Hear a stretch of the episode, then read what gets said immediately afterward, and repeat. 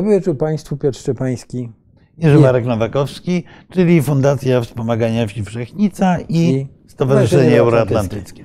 Proszę Państwa, o czym będzie dzisiaj powiemy na wstępie? Przede wszystkim rozpatrzymy sobie, tak jak jest to w tytule dzisiejszego spotkania, ten in, wypadek czy incydent e, w polskim przewodowie. Pewnie Tak? incydent, to jest dobre Incydent. określenie. Tak.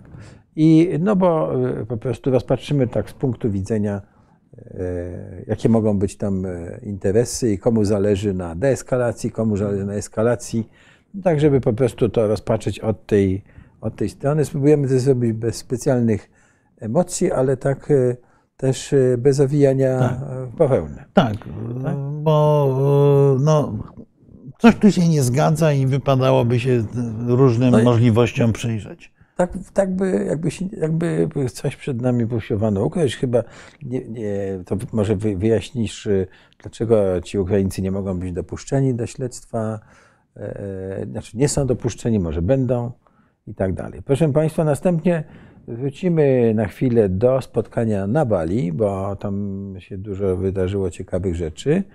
Tak, następnie e, Wrócimy na chwileczkę do tego głosowania w ONZ w sprawie tych listy e, Reparacyjnej, zniszczeń- koszt, reparacyjnej, zwrotu tak, kosztów e, tak. wojny. kosztów wojny, po czym my byśmy wrócili na, na Ukrainę jeszcze, żeby e, sobie omówić e, w zasadzie jaka jest sytuacja teraz przed Tak, no, tak? I- dosłownie przed chwilą bardzo groźny sygnał, że odnotowano serię wybuchów e, na terenie zaporowskiej elektrowni atomowej w Energodarze.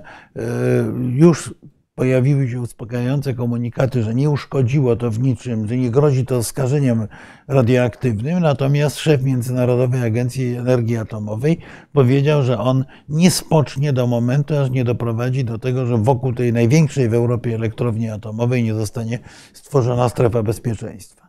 Mhm.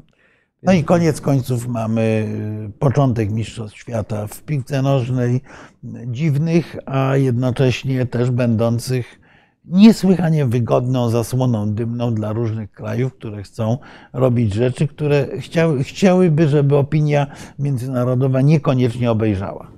E, Też na chwileczkę wrócimy na, na teren południowego Kaukazu, żeby przypomnieć o, o tym e, konflikcie i No, tam cały czas się tam coś cały dzieje. czas się dzieje. W ogóle na świecie cały czas się dzieje, prawda? I, no i chyba możemy zacząć. Czyli Tak e, Marku, e, zacznijmy od e, tego. Aha, na koniec jeszcze omówimy jakieś e, króciutko jakieś książki, które się ukazały, które chcielibyśmy Państwu polecić. Ale to na samym końcu. To wróćmy do przewodowa. To jakby e, się do tego zabrać. Może. E, E, Komu Tutaj jeden z naszych e, widzów już zadał Tak, pytania, Mhm. e, czy w historii dyplomacji zdarzały się podobne incydenty bezpańskich uderzeń. Tak, oczywiście się zdarzały i zazwyczaj ich skutki były niewielkie, to znaczy szukając bardzo blisko. Sama wojna Rosji przeciwko Ukrainie to był wypadek, kiedy części strąconej rakiety rosyjskiej spadły na terytorium Mołdawii. Wcześniej e, rakieta ze złymi koordynatami poleciała w kierunku Serbii, a dron rosyjski doleciał e, przez przypadek do Chorwacji, bo też ktoś wpisał niewłaściwą nazwę miejscowości w e, cały system elektroniczny. E, Oczywiście były poważniejsze historie, takie jak w czasie w roku 2020 podczas wojny o Górski Karabach, mamy mówić o Kaukazie, to mi się to przypomniało, co najmniej kilka rakiet spadło na terytorium Iranu, który nie był zaangażowany w ten konflikt. Irańczycy wręcz zmobilizowali wojsko i podwyższyli poziom gotowości na granicy e, irańsko-azerskiej. E, Także to się zdarza właściwie przy poważniejszych konfliktach bardzo często. Jednocześnie, no, o ile nie ma czegoś, co jest ładnie nazywane zamiarem, czy intencją, czy uderzeniem intencjonalnym, to ma to stosunkowo niewielkie skutki, no bo, no bo każdy, każdy wie, że y, mogą być y, tego typu incydenty, o ile ten incydent nie, był, nie byłby świadomie przeprowadzony przez jedną ze stron, no to, to się uznaje, że no zdarzyło się. Zwłaszcza, że wszystkie te, wszystkie te przypadki, zdaje się, były poza, poza przewodowem, były wypadkami, w których nie było ofiar w ludziach. Były, tam trafiały te, trafiały te rakiety czy odłamki w miejsca niezamieszkałe. Więc, więc były tego typu incydenty. W czasie pokoju też się zdarzały zresztą. No w czasie pokoju to zgubiono nawet bombę atomową. Bombę atomową tak. Więc, więc no, oczywiście tak, no, ale w czasie wojny ich prawdopodobieństwa właściwie inaczej. E, poziom stresu obserwatorów zewnętrznych, tych, którzy sąsiadują z, obszarem wojny, jest na tyle duży, że zupełnie inaczej się to odbiera. No, zwróćmy uwagę, że państwa bałkańskie tych spadających rosyjskich rakiet czy dronów właściwie na to machnęły ręką. No, no, no pomylili się, zawiadomili o tym, przeprosili, okej, okay, nie ma sprawy. Więc, więc zdarza się. Y, a y, tutaj pytanie drugie, że generał Skrzypczak sugeruje, że nie mogła to być rakieta przeciwlotnicza. No więc właśnie. Tu jest e, pytanie. Mamy oficjalny komunikat, który mówi, że najprawdopodobniej, bo śledztwo nie jest zakończone, była to, były to szczątki ukraińskiej rakiety S-300, która nie, nie trafiła w cel. Trochę dziwna historia, dlatego że przypomnę Państwu, jak to wyglądało na samym początku. Polskie władze milczą jak zaklęte. Polskie media znaczy milczą uderza. jak zaklęte. Coś, coś uderza, nie rakieta, coś tak. uderza e, w e, skup e, kukurydzy w przewodowie. Ginie dwie osoby. Polskie władze milczą, polskie media milczą. Dowiadujemy się o, te, o tym, że to się stało z amerykańskiej agencji Associated Press dziwna sprawa, prawda? Że Amerykanie nam piszą to, co się zdarzyło na naszym terytorium. I to, i to w I, takim miejscu daleko. Tak. I e, ta informacja pojawia się w jednej z rozgłośni radiowych, natychmiast zostaje obudowana akcją e, rosyjskich troli internetowych, jeszcze na dodatek, bo tam momentalnie się pojawiły prorosyjskie i antyukraińskie komentarze pod, tym, pod tą wiadomością. Potem dopiero reaguje polski rząd i reaguje, proszę Państwa, no, dosyć histerycznie. No bo najpierw jest cisza, potem jest mowa, że jakaś rosyjskiego pochodzenia rakieta spadła, y, właściwie nie spadła, uderzyła w to przewodowo, y, zbiera się specjalna grupa kryzysowa, zbiera posiedzenie rządu, zwołujemy Radę Bezpieczeństwa Narodowego. Premier i prezydent chwytają za telefony, dzwonią po całym świecie Y, od y, prezydenta Bidena po kanclerza Scholza. Y, oczywiście również jest zaangażowany szef czy sekretarz generalny NATO. Minister obrony mówi o tym, że podwyższono gotowość bojową wojsk polskich, więc mamy prawie wojnę, prawda, z tej opowieści. Jeszcze jest to A przemówienie potem, prezydenta Dudy. E, przemówienie prezydenta Dudy jest później i ono już trochę zmienia sytuację. Natomiast Y, jest jeszcze przemówienie premiera Morawieckiego, które ja muszę powiedzieć, że ja oglądałem i mi przypominało słynną mowę Stalina y, po napaści niemieckiej na Związek Sowiecki, kiedy Stalin po raz pierwszy użył, y, nie mówił do towarzyszy i towarzyszek, tylko obywatele mówił do, do, do mieszkańców Związku Sowieckiego. Y, więc tutaj z kolei premier Morawiecki w co drugim zdaniu mówił rodacy bądźmy spokojni. No, jak premier tak mówi rodacy bądźmy spokojni, to spokojni nie jesteśmy, to jest oczywiste. Y, do tego natychmiast zaczęły się pojawiać relacje od mieszkańców tego, tegoż przewodowa y, i zaczęły się pojawiać relacje, które miały kilka charakterystycznych elementów. Po pierwsze, prawie wszyscy indagowani rozmówcy mówili, że były dwa wybuchy. Po drugie, y, rozmawiano z y, woźną chyba ze szkoły, która znajduje się tuż obok tego budynku skupu kukurydzy, w, który, w którym to nastąpiło, która mówiła, że no huknęła, szyby zadrżały w tej szkole, która znajduje się 200 metrów od tego, od tego skupu. No i pojawiły się zdjęcia jakiegoś takiego niedużego leju, yy, rozbitego wozu, który tę kukurydzę przewoził, yy, przewróconego traktora i tak dalej. No, zdjęcia, które nijak nie wskazywały, że w ogóle jakakolwiek rakieta uderzyła. Yy, tak naprawdę, no bo... Że był wybuch, znaczy nie było wybuchu. No tak, no... Wszystko było poszatkowane i spalone przecież. No więc i teraz, i, i pojawiła się również informacja, w jednej z y, sieci telewizyjnych, że y, rozpoznano, że, że to, co uderzyło w tym przewodowie, to była rakieta H-101 rosyjska. No i teraz spróbujmy, a potem mniej więcej godzinę po Morawieckim przemawia prezydent Duda i przemawia już w zupełnie innym tonie, że prawdopodobnie, że a jeszcze po drodze zdarza się jeszcze jedna rzecz. Zrobiono pobudkę ambasadorowi rosyjskiemu, którego wezwano w trybie natychmiastowym do MSZ-u, wręczono mu notę, on ją w milczeniu przyjął i poszedł do domu. Y, jak y, informuje, jak informuje nasze Ministerstwo Spraw Zagranicznych, spotkanie ministra, ministra, a nie minister rzadko w takiej sytuacji przyjmuje e, ambasadora osobiście. Zazwyczaj ceduje to na któregoś z wiceministrów, e, że spotkanie ministra z ambasadorem trwało 4 minuty. Po czym jest przemówienie prezydenta Dudy już w zupełnie innym tonie w tonie takim, że prawdopodobnie nic takiego się nie stało, że wszystko wskazuje na to, że to szczątki ukraińskiej rakiety, że sprawę zbadamy i tak dalej, i tak dalej. I równocześnie pojawiają się komunikaty ze strony ukraińskiej, która przecież te wszystkie rakiety, które tam latają, yy, monitoruje, że była to jednak rakieta rosyjska, to co uderzyło w przewodową.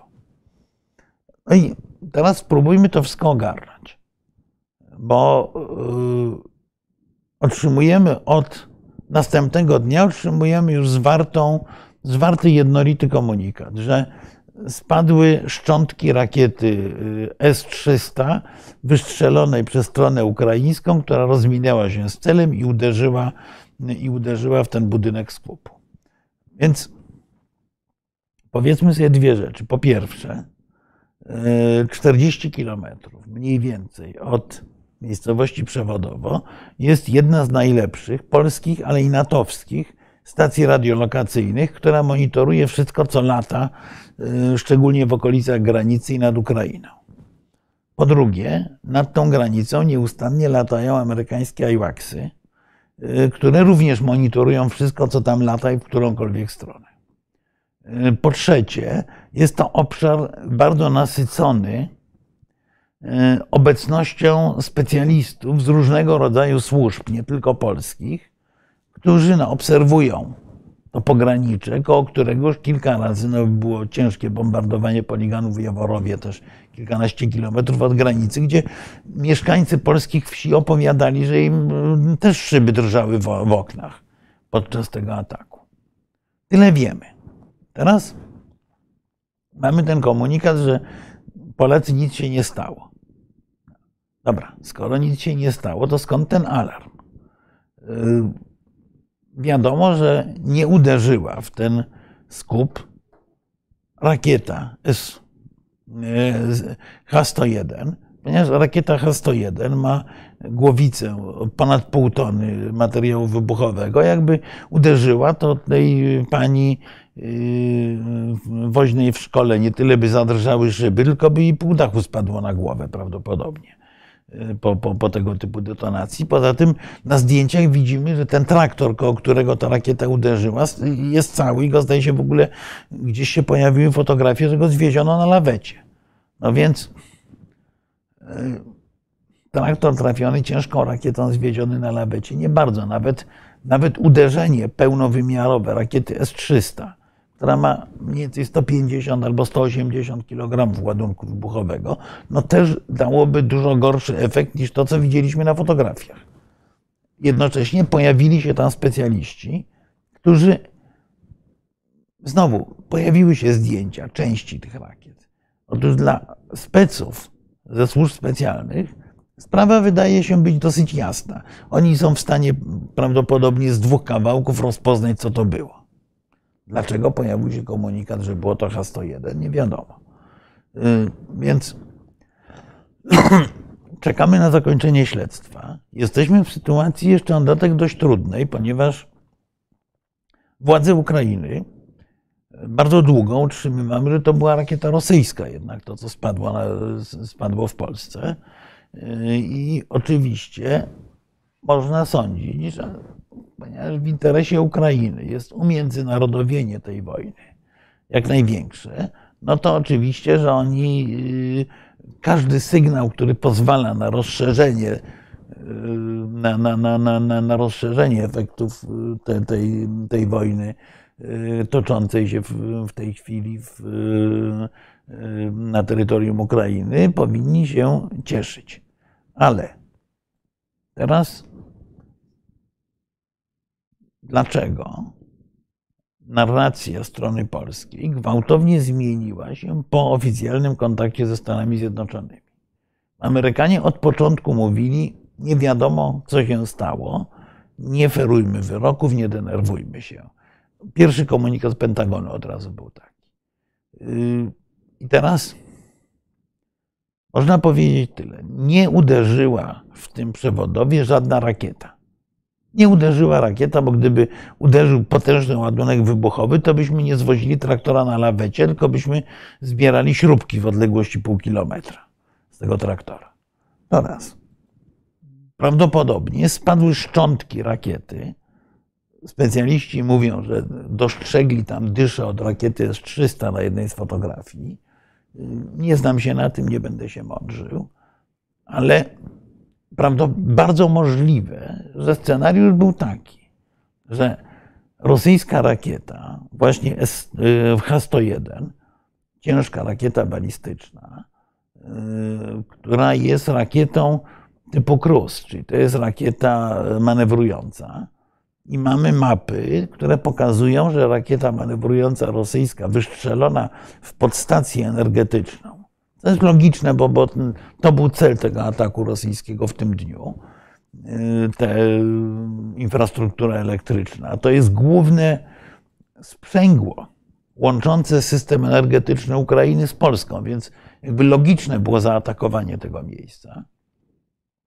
E, y, że krążąca rakieta została strącona przez rakietę ukraińską. Tylko ona została strącona dosłownie, według tych map, które publikują Ukraińcy, została strącona kilka kilometrów od polskiej granicy, bo ona, ona nie leci prosto do celu, tylko ona sobie manewruje tak, żeby ominąć y, obronę przeciwlotniczą. Więc mogło być tak, że rakieta ukraińska trafiła w pocisk rosyjski, a potem resztki tego całego złomu przeleciały do przewodowa, bo to jest parę kilometrów. Pamiętajmy, że te wszystkie zabawki poruszają się z prędkością dźwięku mniej więcej, co oznacza, że te że 10 kilometrów one przelatują w kilka, w kilka w 30 sekund. Tak, i nie lecą do tylko prosto e, tak. w dół. No. Tak, nie, nie, no, oczywiście, że nie, bo to jest siła wybuchu i tak dalej, co by jakoś uprawdopodobniało opowieść o dwóch wybuchach i to, co pojawiło się w jednej z wypowiedzi naszego prezydenta, że e, w przewodowie wybuchło paliwo z jednej z rakiet. Nie, nie ładunek wybuchowy, tylko paliwo. Albo resztki jakieś. No tak, tak, no jakieś resztki zbiornika paliwa doleciały i stąd ten wybuch tam, ten jakiś tam lej niewielki. Więc mogło być coś takiego.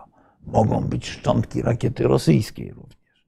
Natomiast widać wyraźnie już, jaki jest rozkład interesów.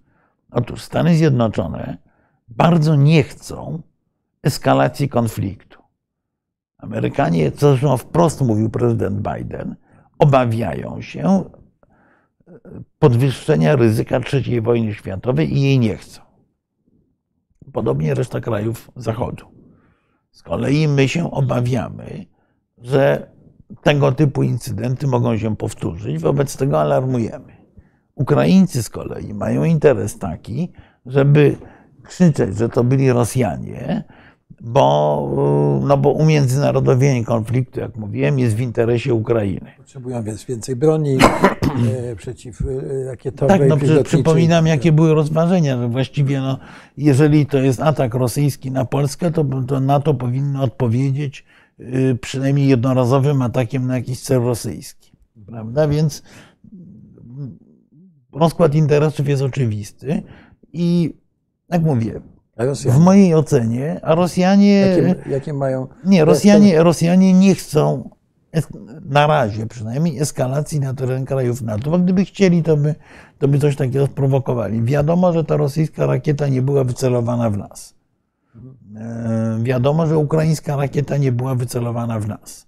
Gdyby była wycelowana, to po prostu byłyby dużo gorsze efekty. Tutaj część, część z Państwa pisze, że rakiety muszą E, muszą trafić, dostaliśmy rakietą w plecy. Nie, no to, to, to co tam spadło, to były najprawdopodobniej jakieś resztki.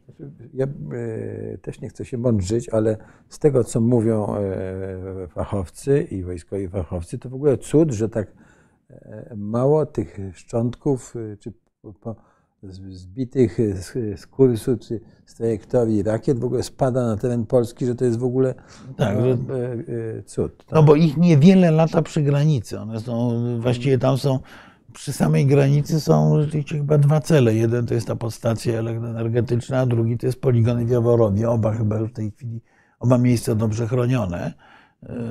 Więc no dobrze, że, że, do, do, dobrze, że nie lata tego więcej. I rzeczywiście panikować nie ma powodu. Trzeba uznać, że to był bardzo nieprzyjemny incydent, bo spowodował śmierć naszych dwóch obywateli.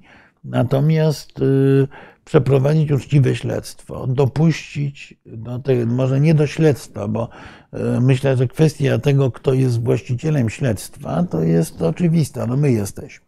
Tak. Y, jest na terytorium naszego kraju. Natomiast dopuścić ekspertów ukraińskich, Prawdopodobnie, prawdopodobnie e, solidne przeszukanie lasów i e, pól w okolicy mogłoby dać jakieś następne części chyba tych, to zrobiono, chyba. tego sprzętu. Solidne. Nie wiem, czy zrobiono to solidnie, bo bardzo krótko.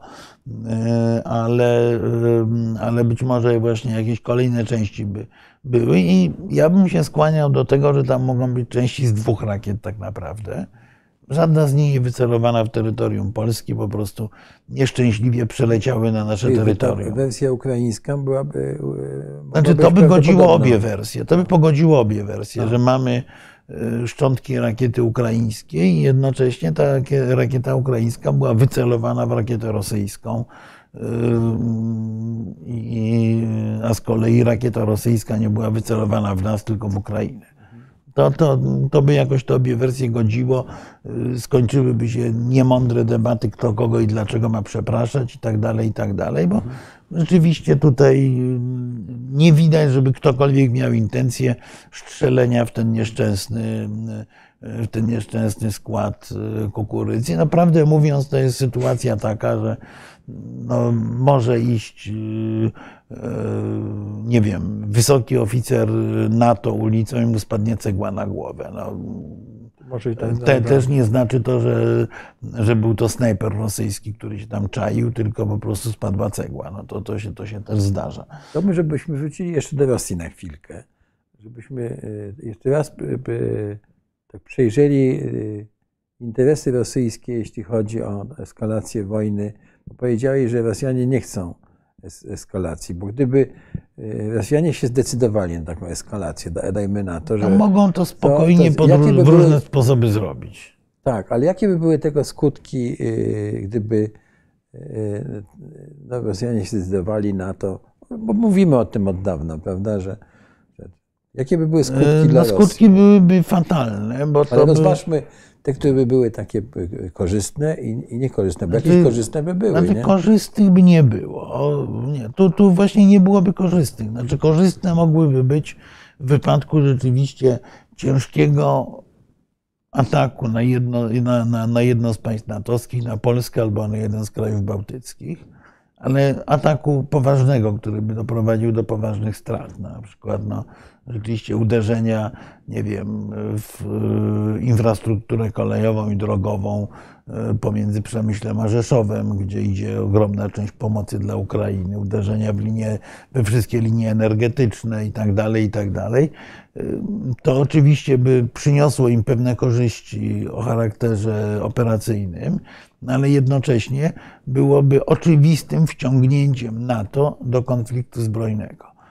Jak minimalną reakcją na tego typu działanie byłoby zdjęcie wszelkich ograniczeń z dostaw sprzętu dla Ukrainy. Pamiętajmy, że te ograniczenia cały czas są bardzo poważne, bardzo poważne i nieprzyjemne tak. dla Ukraińców, a być może również y, reakcje militarne na poziomie przynajmniej przeniesienia części floty natowskiej na Morze Czarne i blokowania Rosjan, no tu są bardzo różne możliwości. No to jest to, co pojawiło się w, w pewnym momencie, że jak użyją broni atomowej, to zatopimy flotę czarnomorską. E, to generał Rosja, Hodges mówił. Tak, Rosja, na Rosji nie ma interesu, nie ma interesu, jeżeli nie chce mieć wojny z NATO, czyli inaczej mówiąc, jeśli Rosja nie chce wojny atomowej, to nie ma interesu na, w prowokacjach i eskalowaniu, szczególnie szczególnie tego typu, gdzieś wystrzelić jedną rakietę, e, która niczego nie zniszczy. Bo, bo to, że mogą wystrzelić, to my wszyscy wiemy. To, to, to nie jest dla nas tak. żadna niespodzianka. Testowanie systemów obronnych NATO też nie bardzo wierzę, żeby to, e, żeby to robiono, bo można to zrobić w zupełnie inny sposób. Zatem oni chyba dobrze wiedzą, jakie one są. Tak? Oni pewnie nie najgorzej wiedzą, jakie one są, natomiast no one zostały bardzo rozbudowane w ostatnich miesiącach, więc mogliby mieć pokusy ich testowania, ale mogą to zrobić w zupełnie inny sposób. Mogą to zrobić za pomocą drona, zabawki, czegokolwiek innego, bo e, pocisk uderzający, czyli, e, czyli fizyczny, kinetyczny atak na terytorium jednego z państw natowskich oznacza dla Rosji głównie kłopoty. Jeżeli nie, Rosja nie zdecyduje się na pełnowymiarową wojnę z NATO, na co chyba Rosjanie nie mają ochoty no, w tej chwili, bo, bo to, to, to, to, to nie mają powodu do tego typu na, na, na, tego typu prowokacje. Więc, yy, więc nie, nie, nie sądzę, żeby, żeby to robiono. Rosjanie testują wytrzymałość natowską. No to była, był ten incydent na Morzu Bałtyckim, kiedy rosyjskie myśliwce podeszły skądinąd w sposób bardzo nie, nieprofesjonalny do, flot, do, do ćwiczącej floty natowskiej na Bałtyku. Ale yy, ale to, to, to, robi, to, to robili cały czas. Dlaczego mówisz nieprofesjonalny? No, taka, taka jest opinia e, dowództwa, do, dowódców tej floty, że po prostu zrobiono to w sposób, który mógł zagrażać bezpieczeństwu zarówno pilotów, jak i, jak i samej prowokowanej floty. E, w, sensie, w sensie złego poprowadzenia lotu, nie w sensie tego, że byli blisko. Tylko, że mogło się to skończyć katastrofą. No. I dlatego, dlatego, dlatego ten komentarz był, że to było nieprofesjonalne. Żeby, żeby rozwiać tutaj e, e, e, obawy niektórych z Państwa, że to mogła być prowokacja ukraińska, bo tu się takie mm. pojawiają dywagacje. Czy, to, czy w ogóle e... można to brać pod uwagę? Bo mm, przecież znaczy, wie, wszystko wiemy, trzeba brać pod uwagę. Natomiast... Wiemy, że można tak prześledzić te, te Natomiast właśnie Ukraińcy się... doskonale wiedzą, bo sami korzystają z tych systemów, że E, że będzie dokładnie wiadomo skąd, skąd, kiedy i w jaki sposób została wystrzelona taka rakieta, więc e, Jaki, jaki mieliby interes w no tego właśnie. typu prowokacji? Bo no. Gdyby to się udało odpalić tak, że nikt nie będzie widział, a no to wtedy. Jeszcze zwalić na Rosjan. Tak, i zwalić na no Rosjan, no to... to... wtedy tak, ale. Nie da się tego zrobić. W, te, w tym miejscu w taki sposób, to by było ze strony Ukraińców samobójcze, gdyby, mhm. gdyby coś takiego wykonali. Stąd, stąd właśnie mówię, że właściwie nikt nie miał interesu do tego, żeby strzelać tam. I tu możemy być na 99% pewni, że był to przypadek. A jakie to były rakiety, co to było, no to poczekajmy na komunikat ze śledztwa ostateczny i, i jak mówię, nie, nie, nie podejrzewajmy prowokacji z żadnej ze stron, bo bo raczej, raczej wygląda na to, że była to pomyłka. E, że, znaczy nawet nie tyle pomyłka, no po prostu nieszczęśliwy przypadek czy nieszczęśliwy wypadek. bo wiele wskazuje na to, że, że, że to po prostu na, spadły po prostu szczątki rakiet, no, które, które wybuchły w bardzo małej odległości od polskiej granicy, a 6 kilometrów dla rakiety pędzącej z prędkością 1000 km na godzinę jak rosyjskie, czy ponad 2,5 tysiąca km na godzinę jak S-300, to, to, to w ogóle nie jest dystans. Jasne. Słuchaj, jeszcze tutaj chyba odpowiedzieliśmy już na pytanie tak, pana. Tutaj, czy taka pana, natychmiastowa reakcja prezydenta Ukrainy wskazująca na Rosję e, była próbą głębokiego wciągnięcia Polski na to do tego konfliktu? Być bardzo... może, być może ale ja się nie dziwię takiej reakcji prezydenta Ukrainy. Proszę pamiętać, że to jest przywódca kraju, który jest nieustannie niszczony, bombardowany, który funkcjonuje w stanie skrajnego stresu. Jeżeli dowiaduje się, że zdarzyło się coś takiego, no to rzeczywiście z jego punktu widzenia to jest E, to jest polityczny podarunek, gdyby to była rosyjska rakieta. Wobec tego no, natychmiast reaguje. No, zresztą jego służby przecież też śledziły te rakiety. I nie jest wykluczone, że właśnie jego służby miały na monitorze tę rosyjską rakietę, która dolatywała do polskiej granicy i uznali, że walnęliśmy w tą rakietę, a resztki poleciały do Polaków. E, czyli powiemy, że to, że, że to Rosjanie. Tak, tutaj pan... Ale wciągnąć y, Polskę i NATO do tego konfliktu, oczywiście y, prezydent Zełenski chciałby za wszelką cenę. No, to to, to, to, to jest dziwmy, jasne. I nie dziwmy się temu, bo to leży... Nie dziwmy się, bo to leży w jego interesie, tak. tak jak myśmy robili wszystko we wrześniu 1939 roku, żeby zmusić Francję i Anglię do, wiem, do, do bezpośredniego czy, udziału czy, w wojnie, co nam się nie udało. Czy Rumunię, czy, tak. prawda, czy Węgry.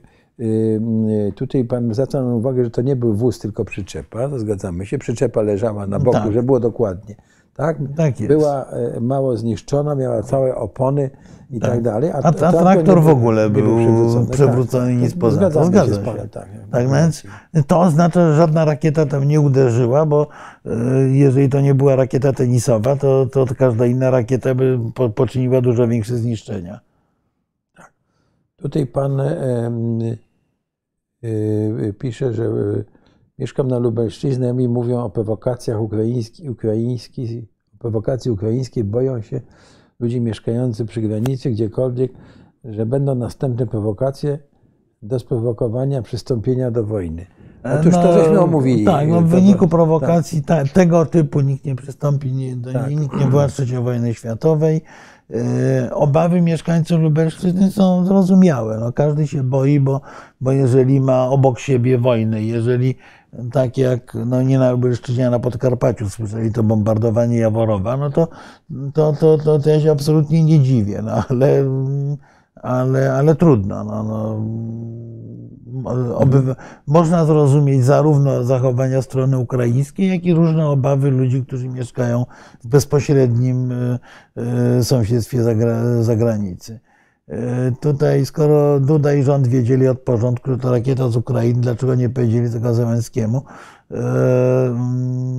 A dlaczego nie powiedzieli tego nam, tylko robili, robili aferę? No właśnie to jest, to budzi moje pewne podejrzenie. Ja bardzo bym chciał wierzyć w tę oficjalną wersję rządu, ale ja mam poważną obawę, że po prostu tutaj y, Amerykanie, y, widząc, czy obawiając się eskalacji, zarówno Polsce, jak i Ukrainie, jak i swoim własnym służbom, y, wskazali na ścieżkę przekazu czy, czy sposób komunikowania, i to komunikowanie od tego momentu jest y, mniej więcej zharmonizowane y, i zgodne ze stanowiskiem amerykańskim, no bo karty rozdają po, po, po naszej stronie, po naszej, rozumiem tu również ukraińską, rozdają Amerykanie. No więc jakby ich, ich interpretacja wydarzeń jest obowiązująca. Tutaj jest ciągle kwestia, że prezydent Zeleński nie, nie przeprosił. No ja, no znaczy, ja, ja, myślę, że no bo on nie przeprosił, bo on był długi czas przekonany i pewnie jest przekonany dalej, że to, e, że nie wiem, więcej szczątków było rosyjskich niż ukraińskich. Poczekajmy. Na... E, I e, wypada poczekać na wyniki śledztwa. Jeżeli będzie oficjalny wynik śledztwa, potwierdzony przez śledczych ukraińskich, to prawdopodobnie te przeprosiny usłyszymy. Przypominam, że na pogrzebie tego y, starszego pana, który zginął, y, był przedstawiciel ambasady Ukrainy, był wieniec od ambasady ukraińskiej, więc to, to, to, to też trzeba, trzeba zauważyć. Tak. To co jeszcze? Mamy, mamy Mało. jeszcze coś do. Szerzymy teorie spiskowe. No, staramy się ich nie, nie szerzyć. Każde Tak. wszystko można. E, Nie, ja, nazwać. ja po prostu chciałbym, żebym e, utrzymać. nie mie- chciałbym nie mieć wątpliwości. No, zrelacjonowałem uczciwie Państwu, dlaczego te wątpliwości czy obawy mam. Mamy Mhm. oficjalną interpretację, która przypominam, zarówno w wypadku polskim, jak i Stanów Zjednoczonych, jak i Ukrainy, jest interpretacją opatrzoną słowem prawdopodobnie. To jest prawdopodobny przebieg wypadków. Nikt nie mówi, że było tak na pewno. E, Więc, e, e, więc właśnie trzeba poczekać na oficjalny komunikat śledczych, poparty dowodami, wtedy będzie sy- sytuacja względnie, względnie jasna. Słuchaj, przejdźmy w takim razie do sytuacji Ukrainy w tej chwili, do, do wojny, no bo e, jak, sądzi, jak sądzimy, jak będzie się rozwijała sytuacja, no bo się, do tej wojny się już wszyscy przyzwyczaili. Tak, i to oczywiście dla Tak, to Ukrainy jest fatalna wiadomość. Tak, wszyscy po prostu już tak, już, oczywiście, że, że ta nie, nie, e, śmierć tych dwóch polskich e, Polaków, e, dwóch panów Bogdanów, no, jest fatalnym wypadkiem e, dla nas. I, No to oczywiście Tak, ale- trochę obudziło O, tak. e, uwagę świata, czy czy, zwróciło uwagę czy świata ten na ten incydent jakoś wpłynie właśnie na uwagę świata, żebyśmy odpowiedzieli Na na, pewno głowę? trochę tak, na pewno trochę tak. Media z całego świata się tym zainteresowały, yy, no bo ta obawa przed tym, że eskalacja ze strony Rosji nastąpi, jest realna. Yy, I yy, wobec tego temu wszystkiemu się yy, światowe media zaczęły przyglądać, przypominając obywatelom, że ta wojna się toczy, ta wojna jest straszliwie krwawa, ta wojna jest niszcząca e, nie tylko dla Ukrainy, ale jest niszcząca dla Europy tak naprawdę, a- a nawet więcej, no bo Ukraina jednak była spichlerzem, który karmił sporo państw trzeciego świata. Ukraina była jednak istotnym partnerem gospodarczym, znowu szczególnie dla tych regionów trochę biedniejszych. E, i krajem, który był, ja bym powiedział, pewną nadzieją Europy, yy, przy całym cynizmie tego typu nadziei, że to jest rynek, który pozwoli na, yy, ze względu na to, że się w pełni otworzył przy stowarzyszeniu z Unią Europejską, który pozwoli trochę na zniwelowanie złych skutków pandemii kry- i kryzysu postpandemicznego jeszcze przed wojną. Nagle się okazało, że e, jest to rynek wyłącznie na e, broń w tej chwili i że konflikt, który się zaczął toczyć w środkowo-wschodniej, bo nawet nie wschodniej, a środkowo-wschodniej Europie, zagraża nam wszystkim wybuchem konfliktu światowego, zmusza do przeznaczania ogromnych środków, gigantycznych, na po pierwsze wsparcie Ukrainy, po drugie na e, własne zbrojenia, czyli ten, to zmieniło geopolitykę e, światową, a geopolitykę europejską w szczególności.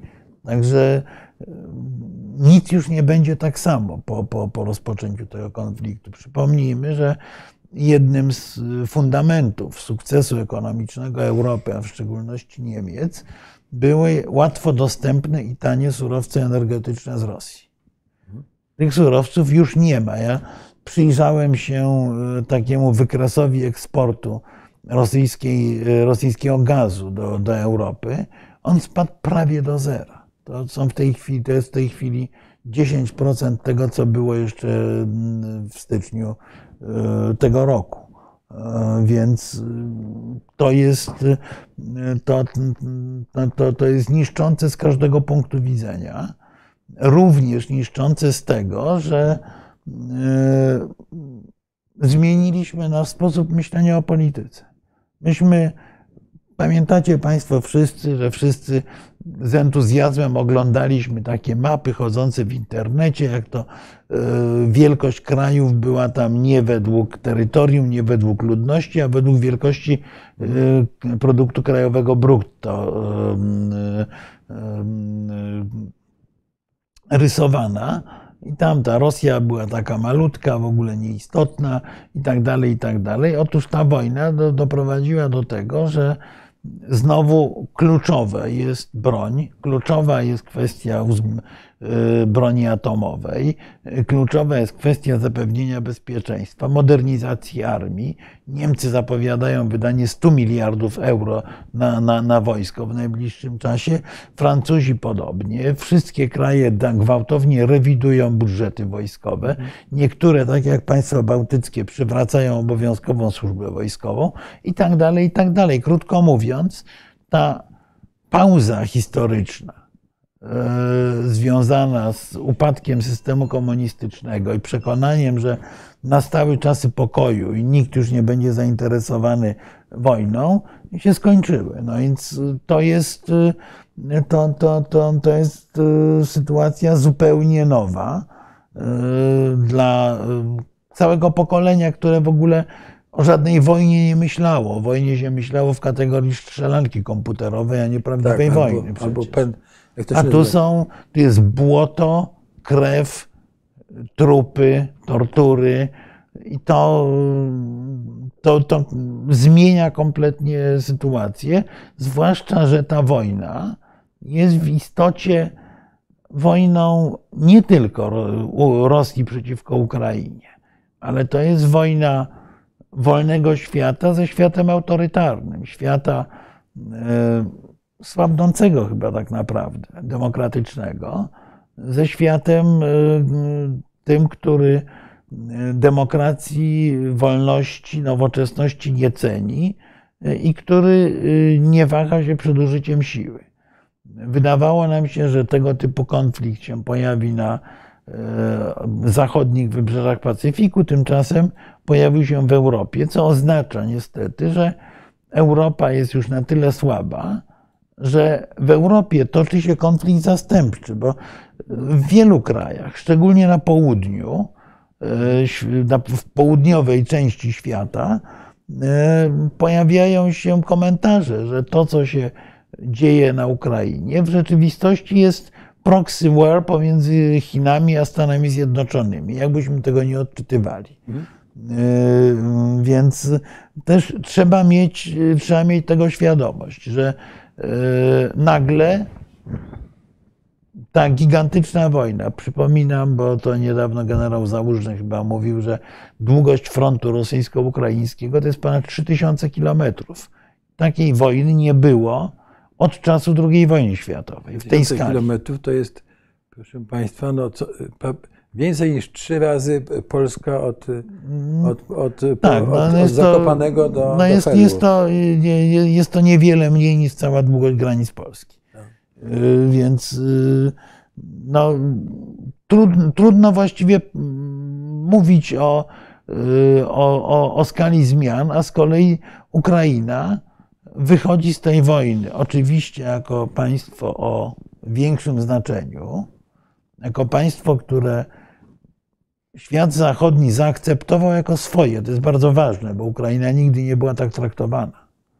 Mimo ogromnych problemów wewnętrznych Ukrainy, które nie zniknęły, proszę Państwa. Ja tutaj czytam te komentarze na temat korupcji, różnych tego typu rzeczy. Tak, te, te problemy nadal istnieją.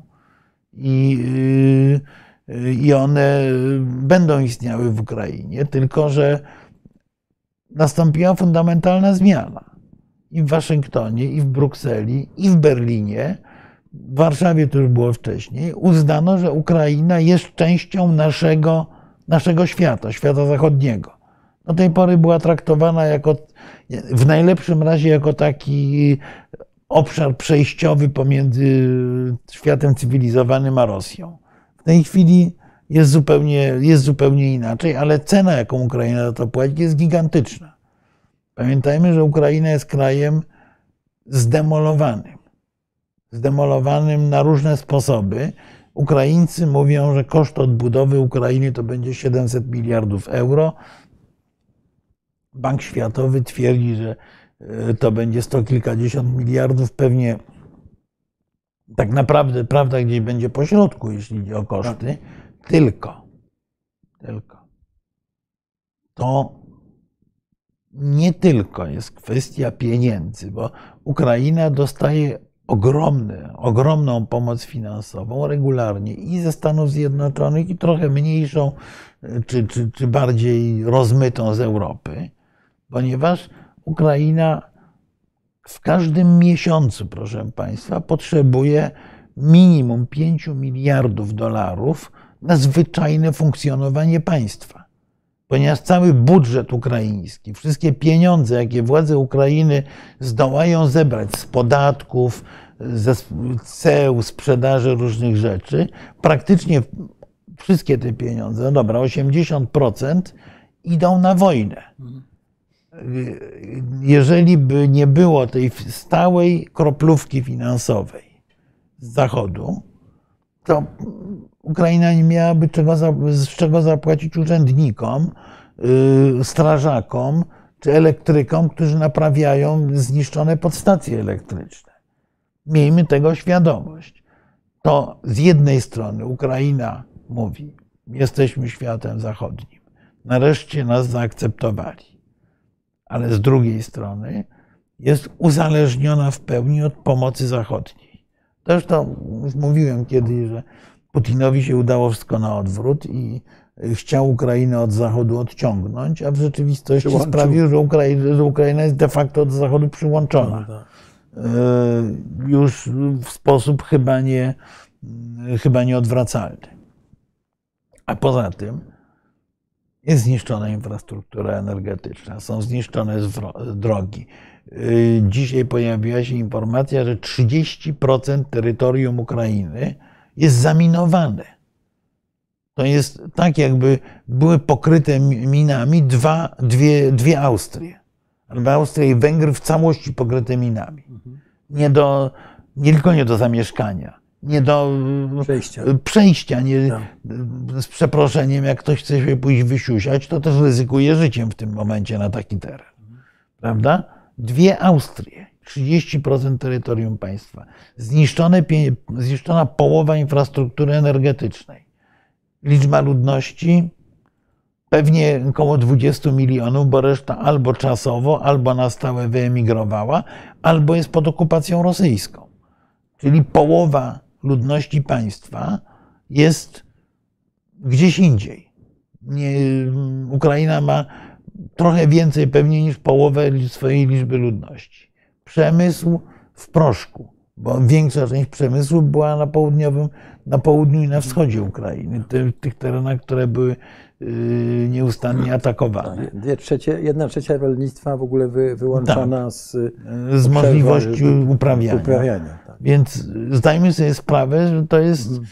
to jest tak gigantyczne zniszczenie. Podejrzewam, że y, skala zniszczeń jest y, porównywalna albo większa niż była w okresie II wojny światowej. W czasie II wojny światowej te fronty przechodziły, ale potem ludzie wracali do uprawiania ziemi, tak, do tak. produkowania różnych rzeczy i tak dalej. Oczywiście było to obciążone kontrybucjami, jakimiś dostawami i tak dalej, ale działało. A w tej chwili, y, a w tej chwili to jest y, obszar no, śmierci. Tak właściwie takiej kompletnej, kompletnej pustki. To są ogromne straty. Jedno pokolenie młodych mężczyzn na Ukrainie zostało tak naprawdę wybite, bo my y, słuchamy przekazu ukraińskiego o tym, ilu Rosjan zginęło, ale na przykład Mark Miley, y, naczelny dowódca wojsk amerykańskich, mówi, że prawdopodobnie straty ukraińskie są porównywalne. Mhm. Czyli kilkadziesiąt tysięcy do stu tysięcy młodych mężczyzn, głównie młodych mężczyzn, albo zginęło, albo zostało poważnie rannych, jest kalekami. Z punktu widzenia tak naprawdę państwa, nie wiem, czy to pierwsze nie jest lepsze. Bo, bo, bo jeżeli ktoś jest no robaczony kalectwem wojennym, wymaga jeszcze dodatkowo tak. opieki. Tak. Y, więc sytuacja Ukrainy jest skrajnie trudna i teraz jest pytanie, jak doprowadzić do tego, żeby e, to piekło, które się dzieje w tej chwili wobec Ukraińców, się skończyło. Teraz pojawiły się różne e, propozycje i oczywiście nie na Ukrainie, bo Ukraińcy są zdeterminowani do bólu. Ukraińcy powiedzieli jasno, że rozmawiać mogą wtedy, kiedy odzyskają wszystkie zagrabione ziemie. Natomiast y, w Stanach Zjednoczonych pojawiły się głosy, poczynając od znanego y, eksperta, publicysty, uczonego Charlesa Kapczana czy Kupczana, bo chyba jednak ze słowiańska się powinno, ze wschodnioeuropejska powinno się to czytać. E, analiza na tym w New York Timesie, gdzie on wprost mówi, że no już dość tego, to jest za wysoki koszt, trzeba namówić Ukraińców nawet za cenę ustęp terytorialnych do pokoju. Pojawiła się cała seria tekstów w cenionym bardzo miesięczniku Foreign Affairs, mhm. które z kolei no, nie mówią, że trzeba zmusić Ukraińców do pokoju, ale które też bardzo wyraźnie stwierdzają, że konieczne jest nie szybkie rozwiązanie dyplomatyczne, co w tłumaczeniu na język praktyczny oznacza też, że to jest konieczność negocjacji. E, z trzeciej strony wyraźnie tego typu naciski płyną z Europy Zachodniej. Najbardziej wstrzemięźliwa w takich w próbach naciskania jest administracja prezydenta Bidena, bo tutaj zarówno Jack Sullivan, jak Antony Blinken, jak sam prezydent Biden powtarzają, że negocjacje zaczną się wtedy, kiedy będą tego chcieli Ukraińcy nieco mniej już przekonani do tego są y, amerykańscy wojskowi, ale pamiętajmy, że koszt tej wojny dla budżetu Stanów Zjednoczonych i krajów zachodnioeuropejskich myślę, że w tej chwili już y, osiągnął przynajmniej 100 miliardów dolarów, jak nie więcej. Koszt realnej pomocy dla Ukrainy kolejne setki miliardów pójdą z, z, z tego budżetu ze względu na to, że musimy się w jakiś sposób przygotować do prób agresywnego działania ze strony czy Rosji, czy Chin. Kolejna rzecz. Wreszcie musimy być e, przygotowani na to, że e, będziemy mieli droższe surowce, że będziemy mieli droższe, e, droższe, droższą energię, że będziemy musieli zainwestować w przebudowę całego systemu europejskiego i amerykańskiego e, energetycznego w związku z tym, co robi, co robi Rosja. I pamiętajmy, że to nie jest tylko, e, to nie jest tylko gaz i ropa. Na przykład Rosja i, i z, wciąż jeszcze uznawany za bliski Rosji Kazachstan były na przykład głów, głównymi czy drugimi na świecie dostawcami uranu do elektrowni atomowych. To też trzeba brać pod uwagę.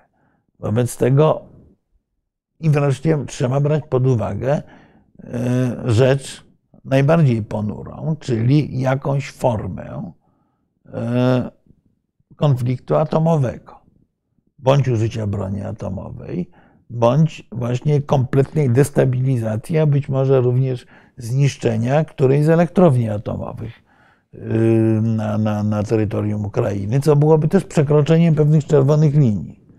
Ale, yy, ale proszę Państwa, yy, to jest również dla społeczeństw zachodnich niesłychanie kosztowna wojna. Ona będzie nie tyle jest, ile będzie. Bo proszę pamiętać, że te wszystkie sankcje, które myśmy uchwalali z wielkim zadęciem i y, z y, różnymi surmami bojowymi, które grały, tak naprawdę zaczynają wchodzić w życie dopiero teraz. Ograniczenia w zakupach ropy i gazu zaczęły wchodzić latem. pełne pakiety sankcyjne będą tak naprawdę działały od początku przyszłego roku. Oczywiście to uderzy w gospodarkę rosyjską bardzo mocno, ale Rosja wciąż jeszcze ma pieniądze na prowadzenie tej wojny i szuka sojuszników. Tworzy dwa kręgi, y, dwa kręgi y,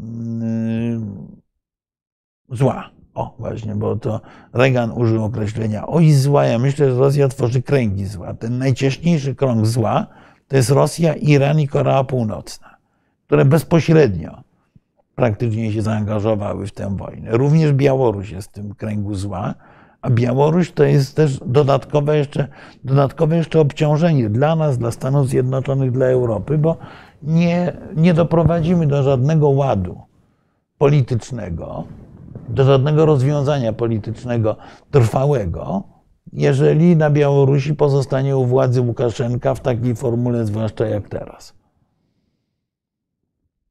Czyli mamy taki splątany węzeł gordyjski o y, bardzo wielu nierozwiązywalnych wątkach. Znaczy, ja bym powiedział tak, Ukraina i Rosja nie mają możliwości ze względów politycznych na to, żeby zawrzeć w tej chwili trwały pokój. Y, albo Zachód wykaże się determinacją, żeby wspierać Ukraińców na tyle długo, aż pobiją Rosjan, a pobicie Rosjan oznaczałoby wypchnięcie ich do granicy, poza granicę z 2014 roku. I to by, to by prawdopodobnie oznaczało koniec Władimira Putina u władzy, głęboką zmianę wewnętrzną w Rosji i być może gotowość Rosji do rozmów, co nie znaczy, że Rosja zrezygnuje z bycia imperium. Nie zrezygnuje, ale prawdopodobnie mogłaby podjąć uczciwe rozmowy. Bo to, czego chcą Rosjanie w tej chwili, to jest coś, co się w języku rosyjskim bardzo ładnie nazywa pieredyszka. Czyli doprowadzenie do sytuacji, w której działania bojowe są zawieszone, bo oni przegrywają. Oni sobie naprodukują trochę broni, kupią trochę broni, yy, przeszkolą żołnierzy i uderzą od nowa albo wiosną, albo za rok, nieważne. A Ukraina z kolei będzie krajem, który się nie odbuduje, ponieważ w sytuacji permanentnego zagrożenia nikt na Ukrainie nie zainwestuje żadnych pieniędzy. No, musiałby być wariatem po prostu, gdyby, yy, nie wiem, inwestował w fabrykę, w ośrodek badawczy, cokolwiek, w sytuacji zagrożenia wojennego no, z dnia na dzień nieomal. Czyli to, co Ukraina może dostać, to by dostała pieniądze podatników z różnych krajów. No być może dostałaby jako reparację te pieniądze, które e, Rosjanie zgromadzili w bankach zachodnich. Tu się mówi o mniej więcej 300 miliardach dolarów, czyli połowę tego, co Ukraińcy twierdzą, że stracili, a realnie pewnie mniej więcej tyle, ile jest potrzebne na przynajmniej pierwszą fazę odbudowy, ale to by były pieniądze państwowe. To były pieniądze, które można przeznaczyć na odbudowę elektrowni, dróg, ale nie na inwestycje rozwojowe idące w przód, bo te musi, tych musi dokonać kapitał prywatny. Wiadomo, że, że on dopóki nie będzie miał względnych gwarancji spokoju, to nie przyjdzie. Czyli perspektywa pokoju jest marna, perspektywa odbudowy jest też marna, natomiast my w Polsce powinniśmy już o tej odbudowie w tej chwili myśleć. Myśmy powinni myśleć, co dalej z Ukrainą, jak dalej powinny być ułożone relacje polsko-ukraińskie i powinniśmy, y, jak zresztą w takim bardzo ciekawym wywiadzie y, mówił y, Aleksander Arestowicz, e, doradca tak. prezydenta Zełenskiego, powinniśmy myśleć również o tym czworokącie Litwa, Białoruś, Ukraina, Polska jako takim szkielecie stabilizacji obszaru bałtycko-czarnomorskiego. Bo Polska rzeczywiście na tym konflikcie w Ukrainie może wygrać o tyle, że nasze znaczenie wzrośnie. Ale nasze znaczenie wzrośnie tylko wtedy, jeśli my będziemy y, łącznikiem pomiędzy tym światem bałtycko, tym pomostem bałtycko-czarnomorskim, a zachodnią Europą. Samodzielnie nie damy rady. Z kolei bez dobrego dialogu z Ukrainą i jej sąsiadami y, nie będziemy mieli nic atrakcyjnego do zaoferowania. Ale, y, ale kluczem jest to, żebyśmy maksymalnie wzmocnili swoją pozycję wewnątrz Europy. Zamiast chodzić i straszyć z Niemcami, to my musimy, nawet jak nam się to nie podoba, z Niemcami się dogadać, bo bez Niemców Ukrainy się nie, od, nie odbuduje. Znaczy ona się odbuduje bez nas. E, Jest tak. takie, może tak się to Znaczy tak, no ale to, to ale jeżeli ma to być wspólny europejski wysiłek z udziałem Polski, to musi być to również wysiłek z udziałem Niemców. Y, Bo oni mają najwięcej pieniędzy, najwięcej możliwości y, i tak dalej, i tak dalej. Więc ja tak sobie myślę, żeby skończyć tę sekwencję polityczną, Tak. że w istocie jedyną europejską, bo pytanie, jak długo i ile Amerykanie będą mogli łożyć. Amerykanie wykładają naprawdę duże pieniądze, Brytyjczycy wykładają naprawdę duże pieniądze na Ukrainę, ale oni, oba te kraje są jakby głównie yy, sfokusowane, mówiąc brzydko, na wsparcie militarne. Natomiast jeżeli Unia Europejska nie potrafi się w cudzysłowie ogarnąć i sensownie zaproponować sensownego projektu odbudowy Ukrainy i odbudowy Białorusi po Łukaszence, bo ja cały czas przypominam, że Białoruś nie jest terra incognita, jest niesłychanie ważnym obszarem yy, zwornikowym całego tego No, regionu. dla nas szczególnie ważnym, to powiedzmy Ale jeszcze. nie tylko dla nas, dla, jeszcze bardziej ważnym dla Bałtów, niesłychanie Tak. ważnym dla Ukrainy. Tak. To jest ważne dla Bałtów, jest ważne też i dla nas. Tak, To, tak jest, tak ale nie, bo to jest, taki, to jest taki kamień zwornikowy całego obszaru bałtycko-czarnomorskiego, ta Białoruś właśnie. Mhm. Więc bez oferty dla Białorusi również to jest, to, to, to też nam wszystko nie wyjdzie, bo jeżeli przegra Putin, to jest to koniec Łukaszenki. Mhm.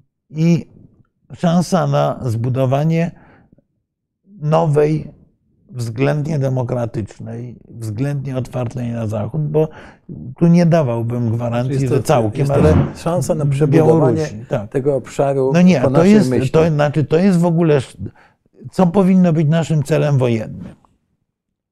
Otóż, jak gdzieś to sfor- sformułowałem, się powtórzę, celem wojennym Polski wobec konfliktu na Ukrainie powinno być unieważnienie bitwy pod Połtawą.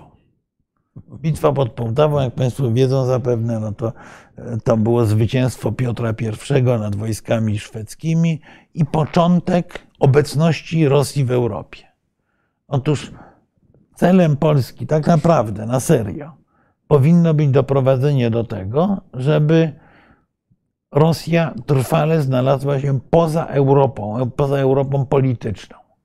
To nie znaczy, że my Rosję nienawidzimy i nie chcemy, tylko uważamy, że Rosja jest na tyle duża, e, na tyle różna od Europy właściwej, Co sama że mówi. powinna być naszym, naszym euroazjatyckim sąsiadem, a nie częścią Europy. Dopóki Rosji nie było w Europie, w Europie nie było imperiów. Były potęgi, mocarstwa, ale nie było imperiów. I daj Boże, żeby tych imperiów nie było i żeby Rosja była wobec Europy zewnętrzną siłą. I to, do tego powinniśmy dążyć. Jeżeli Ukraina wygra wojnę, jeżeli Białoruś potrafi się uniezależnić, to w tym momencie wracamy do sytuacji z końca XVII wieku. Mamy potężnego sąsiada poza Europą. Poza Europą w XVII wieku była Rosja, poza Europą była Turcja, mimo że oba te kraje w sensie kontynentu ogarniały część terytoriów kontynentalnych. I teraz żeby ten cały biznes wyszedł, to oczywiście my jesteśmy za słabi. I lewarem, który może wyciągnąć Ukrainę z tego zagrożenia bycia państwem y, upadłym, mówię, bo przyjmujemy założenie, że Ukraina wygrywa wojnę z Rosją w wersji minimum mniej więcej. Mniej, mniej więcej. Dochodząc do dawnej linii 2014 roku, czyli bez Donbasu, bez Krymu. y, Wychodzimy z tej wojny na zero, co najmniej. Y, To do lewarem, który ma, może posłużyć, i chyba jest jedynym możliwym w Europie, lewarem, który może posłużyć do odbudowy Ukrainy, jest coś, co, o czym u nas się w ogóle zapomniało, czyli tak zwany trójkąt weimarski. Czyli w miarę ścisła współpraca polsko-francusko-niemiecka. Przy mnóstwie zarzutów, które możemy postawić Niemcom i Francuzom, że grają znaczonymi kartami, że czekają na chwilę, kiedy z Rosją się dogadają, bo część z nich czeka. To oni jedni i drudzy mają świadomość, że to, co było przed lutym tego roku, już nie wróci. Jest pełna świadomość tego w Niemczech, pełna świadomość tego we Francji. I będą zainteresowani odbudową Ukrainy, nie, nie ponownym wciągnięciem Rosji, ponieważ myślenie o Rosji się zmieniło. Do Rosji i Macron, i Scholz nie mają zaufania. Rosja to już nie jest partner. Poza tym dokonał się ten przełom tego uniezależnienia od gazu. No, to się, to Tak, się w najbliższych, tak. czy Znaczy- najbliższych mi- latach się dokona. No jest, Znaczy nie, już się dokonał. No, Już się my, do- to, to, to jest nieprawdopodobne, Zresztą, jak spadł, jak spadł eksport rosyjskiego gazu do Czyli- Europy. czyli yy, w zasadzie to jest nowa era. Tak, tak.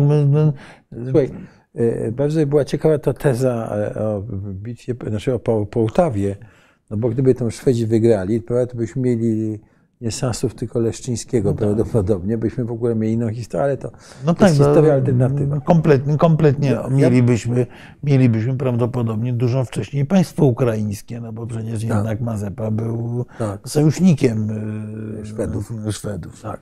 Słuchaj, i wydaje mi się, że byśmy łatwiej wtedy przełknęli to, wiesz?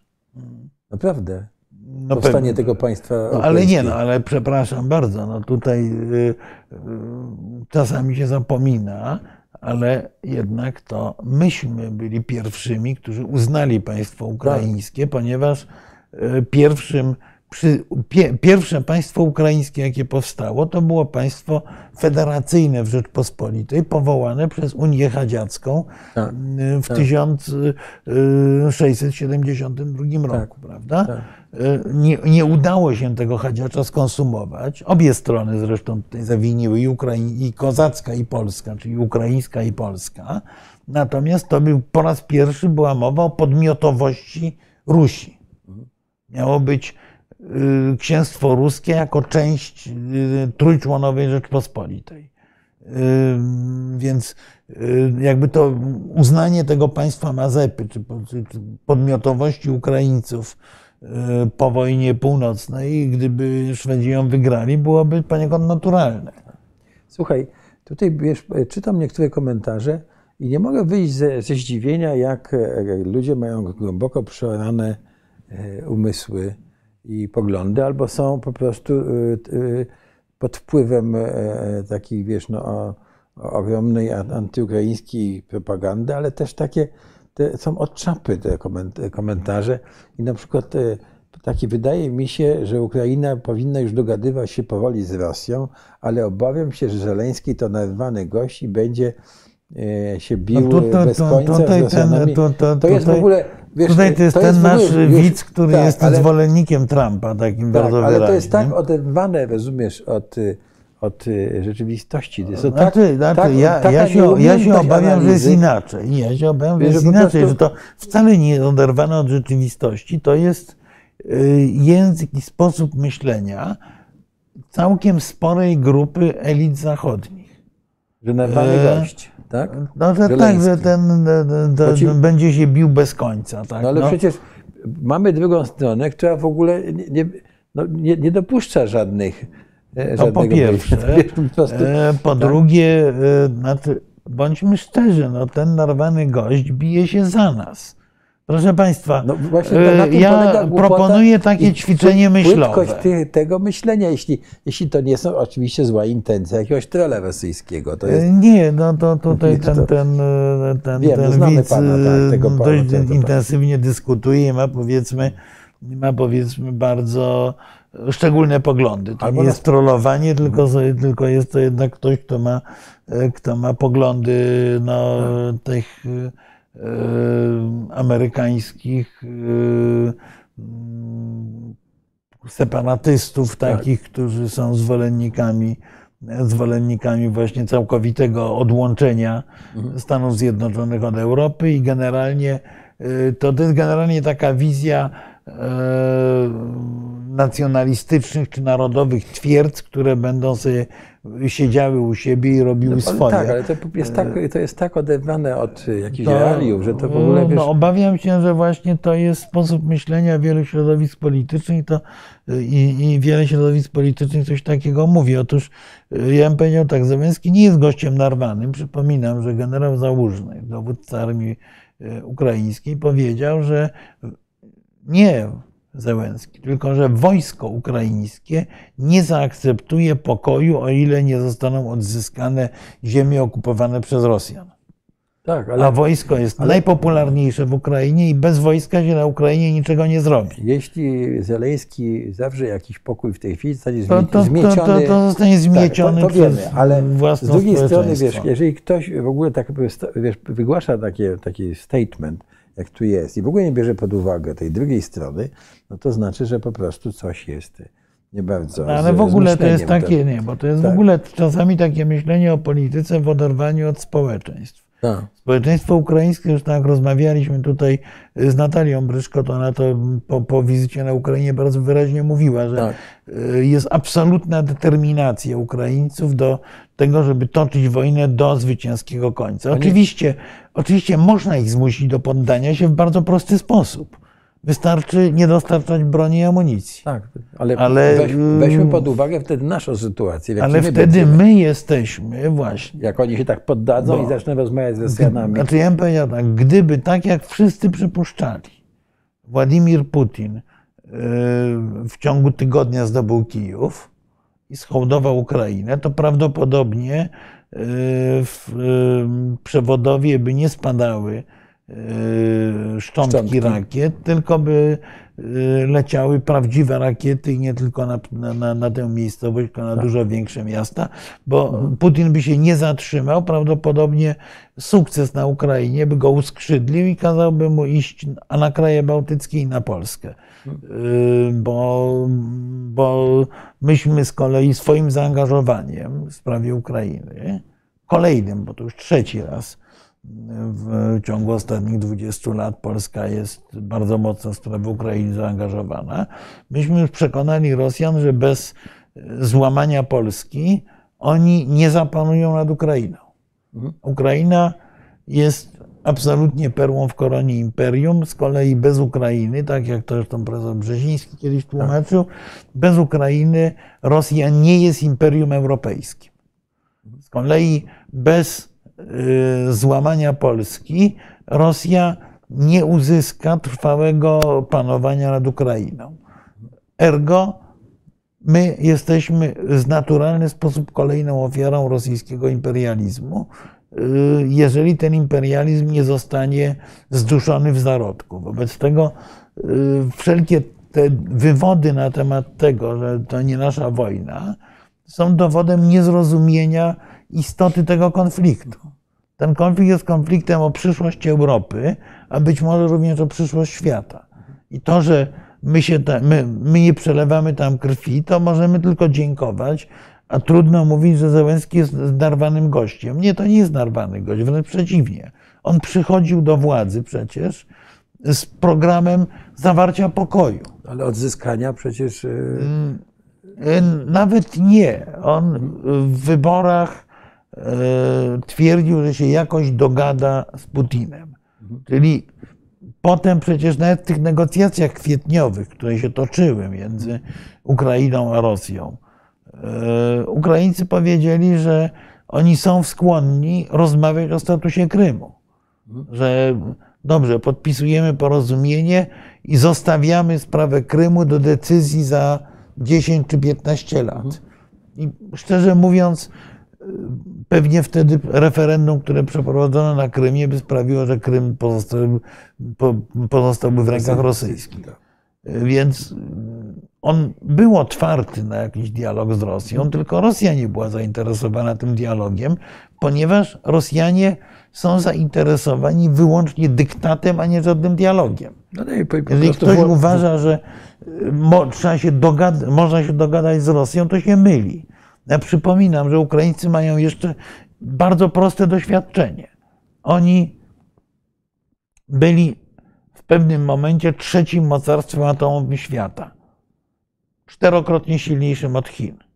W momencie, kiedy odziedziczyli broń atomową po Związku Sowieckim. Zgodzili się ją oddać pod dużym naciskiem Stanów Zjednoczonych między innymi. Także Amerykanie tu mają pewne moralne zobowiązania też i podpisali tak zwane memorandum budapesztańskie. Mhm. Memorandum budapesztańskie to była czterostronna umowa z udziałem Ukrainy, Rosji, Stanów Zjednoczonych i Wielkiej Brytanii. I memorandum budapesztańskie stwierdzało jasno, że układające się strony gwarantują niepodległość i integralność terytorialną Ukrainy. No w zasadzie można było przyjąć tamtych czasach, że świetny deal. Nie? No nie, no świetny deal, dokładnie. Ach, świetny no, deal. Mamy lat, gwarancję, ale tych, okazały się te gwarancje świstkiem papieru, więc teraz Ukraińcy nie będą tak naiwni, żeby iść na dogadywanie się z Rosją. Mhm. Oni muszą mieć gwarancję.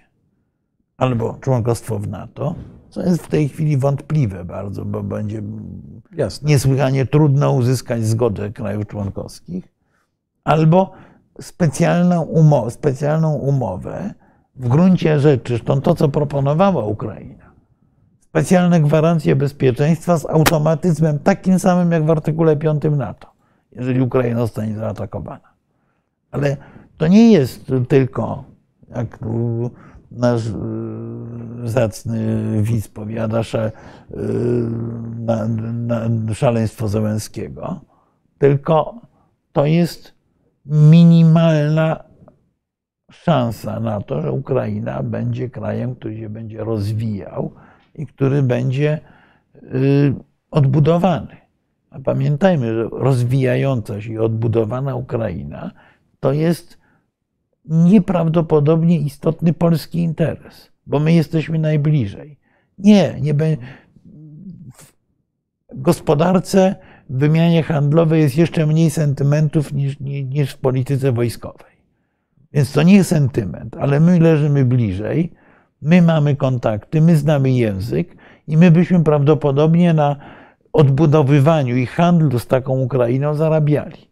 Czyli mielibyśmy pewien dodatkowy plus, który by nam pozwolił zbliżyć się do zachodniej Europy. Albo inaczej, wyjść z tej polskiej pułapki średniego rozwoju. Bo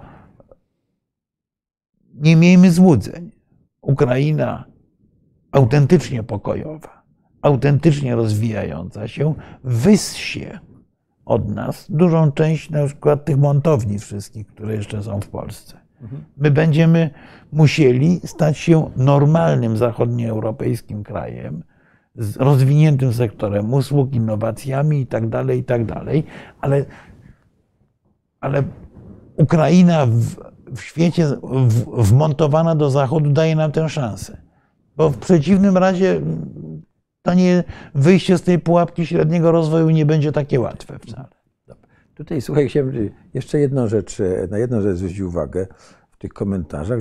Ciągle pojawia się ten wątek Bandery i tego ambasadora Melnyka. Mhm. Prawda? I nie wiem skąd się w, w, w Polsce w ludziach bierze, wiesz, ten że my mamy dyktować tym Ukraińcom, jak oni mają postrzegać swoją historię i tak. Wiesz, to tak, tak trochę patrzę na to, oczywiście, że to Ale to, bo to jest głupota trudne. rozgrywania resentymentów. Tak Rozumiesz, jak ja tak. słucham. I Rozumiem, ale nie, to tak jakby tam ktoś, na przykład Litwini, by nagle wystąpili i powiedzieli, słuchajcie, powinniście właściwie tego pomniki Piłsudskiego, prawda, no, y, y, są nowe czasy, y, y, powinniście zdemontować pomniki Piłsudskiego, no bo to był facet, który, prawda, y, dokonał najazdu na nasz kraj, zlikwidował właściwie połowę naszego państwa i ograniczył naszą, naszą wolność, to stawiał ultimatum. Co prawda nie, nie było tam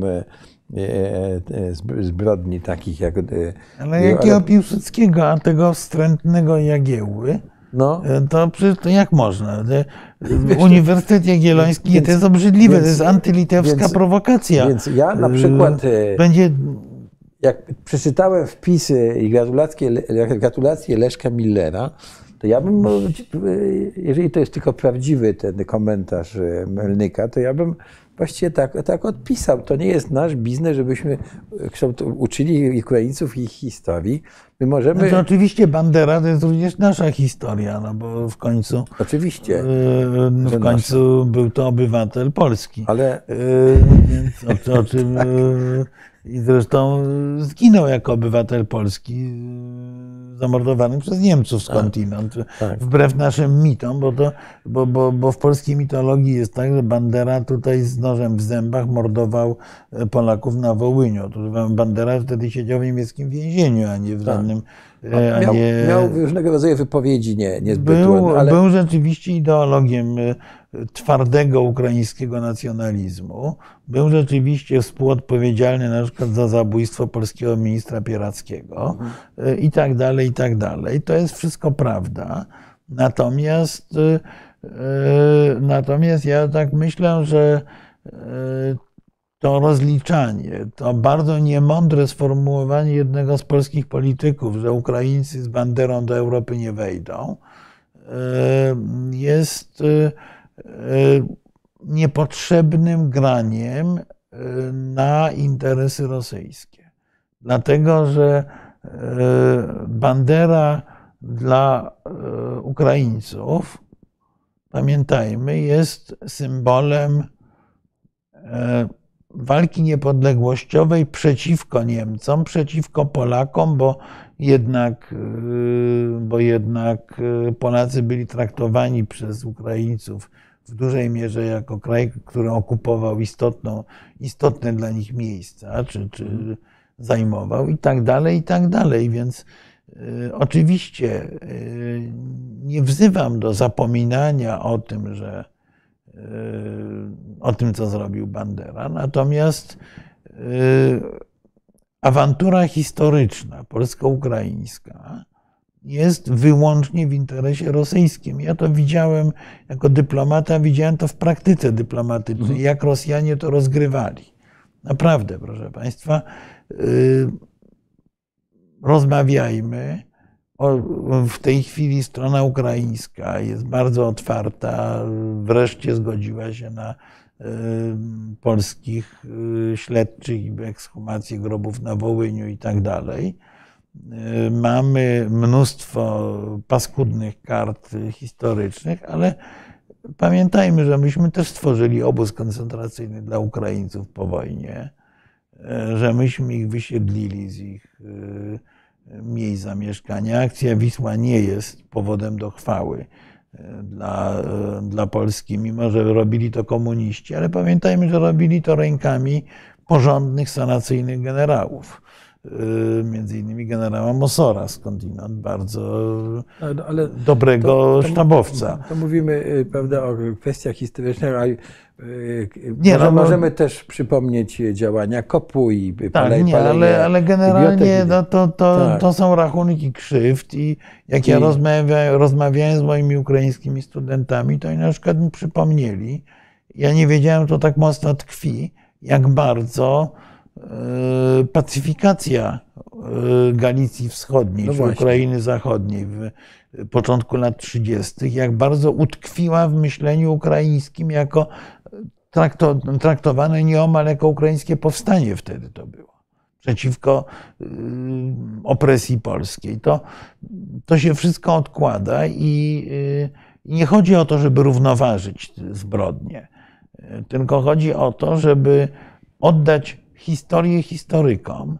To, co w pewnym momencie nam się udało w relacjach polsko-niemieckich, co w tej chwili niestety jest przez y, jakąś przedziwną krucjatę pana Jarosława Kaczyńskiego systematycznie niszczone, ale w relacjach polsko-niemieckich udało nam się też odłożyć y, kwestie historyczne do rozmowy historyków i do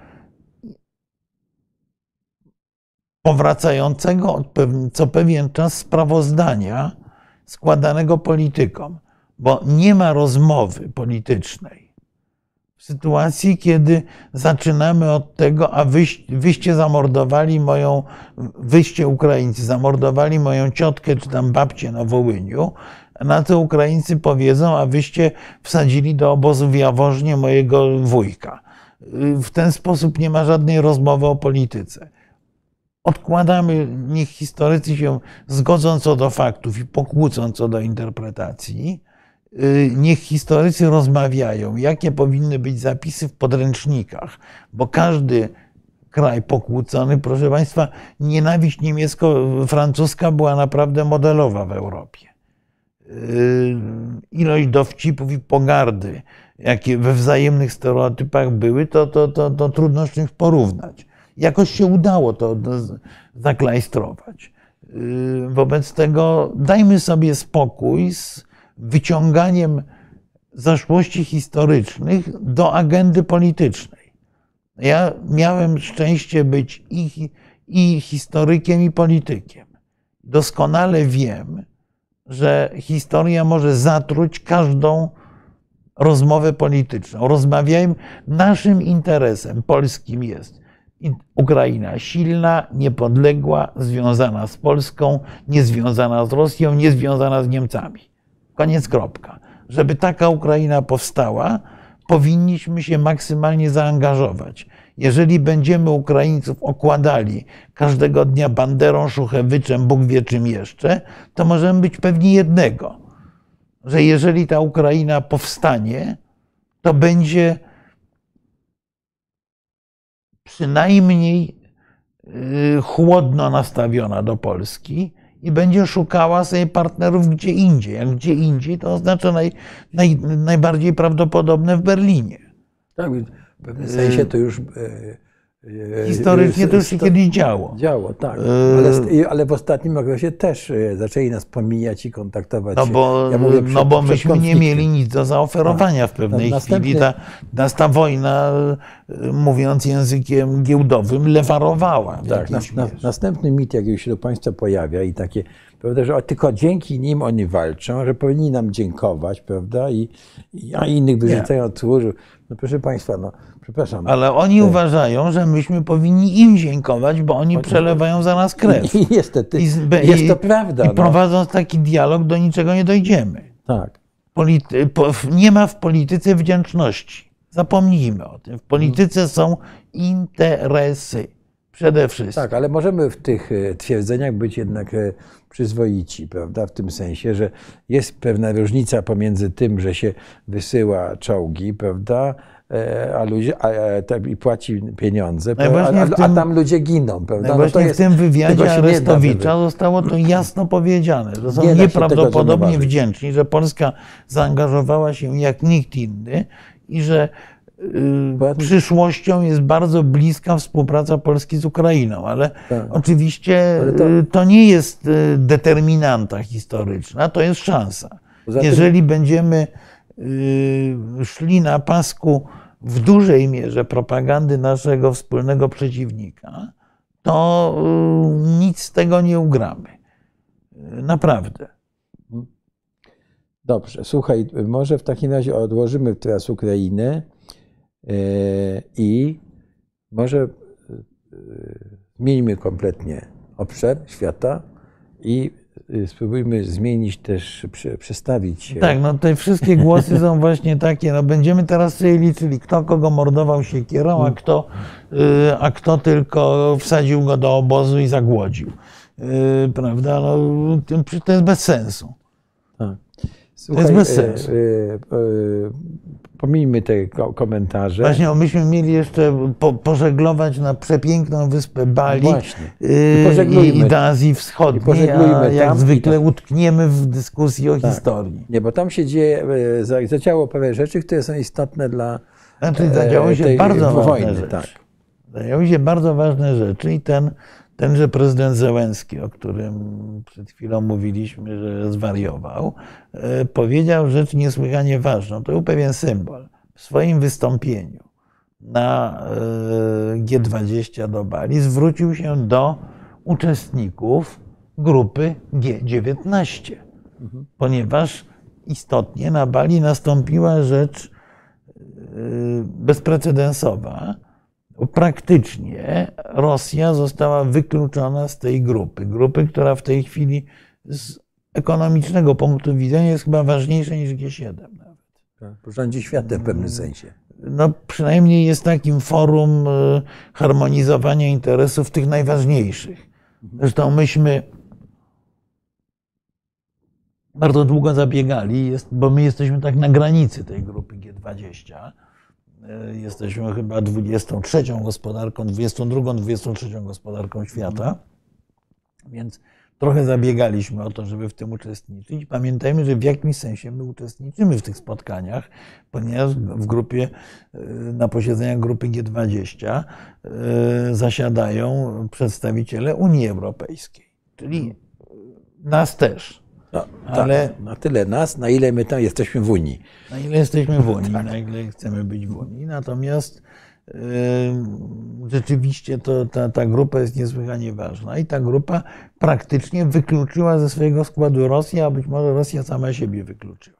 Skądinąd właśnie jestem świeżo po lekturze kilku tekstów y, z takiego ważnego, mojej opinii chyba najważniejszego w tej chwili, najbardziej wpływowego pisma rosyjskiego Rosja w mirowej polityce, gdzie w podsumowaniu szczytu na Bali e, analitycy rosyjscy stwierdzają, że e, na Bali narodziło się również G2. E, G2 i oni to Mówiąc to, myślą o Stanach Zjednoczonych. zgrzytają zębami, bo chodzi o to, że to są nowe supermocarstwa, czyli Stany Zjednoczone i Chiny, które e, próbują, e, które próbują ułożyć sobie ład światowy pod siebie, w tym sensie, żeby, że, że chcą dominować nad światem, co oczywiście Rosjanom się nie podoba, bo oni chcieliby być ich całe myślenie w istocie jest takie, że to jest, y, że, że należy wrócić do tego, y, do tej epoki sowieckiej, kiedy spotykali się przywódcy Stanów Zjednoczonych i Związku Sowieckiego i decydowali o losach tak. świata. No, Tak. to senewrat i oni mają tego świadomość, ale Rosja oczywiście chciałaby, żeby to było G3, a nie G2, więc o tym G2 piszą z pewnym przekąsem, ale wyraźnie i to był, jest jeden z efektów tych spotkań na Bali. Wyraźnie nastąpiło e, pewne e, złagodzenie konfliktu amerykańsko-chińskiego, a być Prawda? może nie tyle złagodzenie, ile e, nadanie mu pewnych ram. Bo Joe Biden powiedział, że jesteśmy rywalami, ale próbujmy tę rywalizację utrzymać w cywilizowanych ramach. No, Xi Jinping zasadniczo się z tym zgodził, ale powiedział, że czerwoną linią nieprzekraczalną dla e, Chińskiej Republiki Ludowej jest sprawa Tajwanu, który Chiny muszą odzyskać. Na co Amerykanie powiedzieli z kolei, że no nie muszą, jak e, odzyskają, jeżeli sami Tajwańczycy będą tego chcieli. Czyli ten, ta kość niezgody pozostaje i ja bym nie był przesadnym optymistą co do tego, co do. Co to za sojusz jest odkryciem roku, ale. E, A, pewnie, ten, pe- pe- pe- pewnie chodzi o, tą, o, o to G2. Tak. Oczywiście to nie jest sojusz, ale to jest uporządkowanie Nie, rywalizacji. Przypomnijmy tylko, że to nie, to nie jest opinia twoja, tylko to jest. Tak, tylko to jest e, opinia rosyjskich analityków. Którzy mówią o tym z pewnym e, przekąsem. No i z dużą niechęcią, bo niechęcią, to eliminuje prawda? Rosję. Tak, bo to eliminuje Rosję. Natomiast, natomiast rzeczywiście, rzeczywiście spotkanie y, G20 przyniosło dwie bardzo wyraźne, dwa bardzo wyraźne komunikaty pod adresem Rosji. Komunikat numer jeden to było dopuszczenie do głosu prezydenta Zełenskiego, który przemawiał do uczestników i który spotkał się z ciepłym przyjęciem tego mhm. przemówienia. Drugie to była lodowata reakcja na wystąpienie Sergieja Ławrowa i odmowa e, uczestników szczytu e, zrobienia sobie z nim wspólnego zdjęcia. E, więc po pierwsze nie chcieli Putina i Putin zdał sobie sprawę, że jakby pojechał na Bali, bo był zaproszony, to spotka się tam z przyjęciem delikatnie mówiąc zimnym, a po drugie no, potraktowali y, zdecydowanie nie najlepiej Sergieja Ławrowa, który zresztą wyjechał przed końcem spotkania balijskiego, a spotkanie balijskie przyniosło najpierw oświadczenie amerykańsko-chińskie, a potem oświadczenie całej dziewiętnastki, które stwierdziło, że y, wojna atomowa, a nawet grożenie wojną atomową, to jest jasnym wskazaniem na Putina, jest we współczesnym świecie niedopuszczalne, że uczestnicy tego spotkania się na to absolutnie nie godzą. Teraz można sądzić, że w kuluarach deklaracja, delegacja amerykańska robiła wiele, żeby zmontować e, jak najsilniejszą odpowiedź na właśnie rosyjską politykę, czyli żeby Rosjanie nie mieli zbyt wielu partnerów z tej grupy, którzy uczestniczą w łamaniu embarga nałożonego przez świat zachodni. Bo pamiętajmy, że większość G20 handluje z ruskimi jak furczy, aż furczy, mówiąc, tak. E, mówiąc brutalnie. E, więc, e, więc była to porażka Rosji. Mhm. A z kolei na szczyt Azji Wschodniej w Bangkoku E, który odbył się później. Rosja w ogóle nie, nie pojechała. Nie pojechała. Ale, e, ale żeby do, jeszcze dopowiedzieć, to tam było jeszcze e, drugie spotkanie amerykańsko-chińskie, bo to było 20 minut z Kamalą tak, Harris. Tak jest. I Kamala Harris. Tak. Więc to jest to o tyle jeszcze... ważne, że no, niewątpliwie Kamala jest przyszłością Partii Demokratycznej, mhm. jest reprezentantką tego nowego pokolenia, co jest też bardzo ważne. I cały czas debata historyczna trwa bardzo intensywnie. Celowo się do niej nie odnosimy, bo w tej historii polsko-ukraińskiej naprawdę utoniemy. I niewątpliwie, choć tutaj były zgrzyty, ale niewątpliwie y, Azja Wschodnia y, coraz bardziej zaczyna obawiać się agresywnej polityki rosyjskiej i Korei Północnej, harmonizowania działań tych dwóch, tych dwóch państw. I co prawda Rosjanie twierdzą, że to y, Amerykanie tutaj próbują przy pomocy AUKUSa czyli tego sojuszu anglosaskiego, e, zapanować nad Azją Wschodnią, ale wydaje się, że duża część uczestników tego spotkania e, przyjmuje punkt widzenia bardziej Stanów Zjednoczonych niż Chin na przede wszystkim na, na, na, na Rosję i na przyszłość Rosji. Znaczy, i powiem inaczej, porażki rosyjskie na froncie, widoczna słabość Rosji powoduje, że ona jest coraz mniej atrakcyjnym partnerem. Rosja swoją siłę w Azji budowała na, przede wszystkim na właśnie takim złudzeniu e, potęgi militarnej, to raz, a po drugie na eksporcie broni i pewnych gwarancjach wsparcia militarnego w, razie czego dla dla krajów azjatyckich. Więc broń rosyjska okazuje się marna. Sama Rosja staje się importerem y, prymitywnego uzbrojenia z Iranu i Korei właśnie, Północnej. Właśnie prymitywnego, bo no, teoretycznie Rosjanie mają na licencji produkować te nieszczęsne irańskie drony. Tylko pamiętajmy dlaczego. to nie dlatego, że one są tak wspaniałym wykwitem techniki, tylko właśnie dlatego, że one były skonstruowane w reżimie sankcyjnym. Mhm.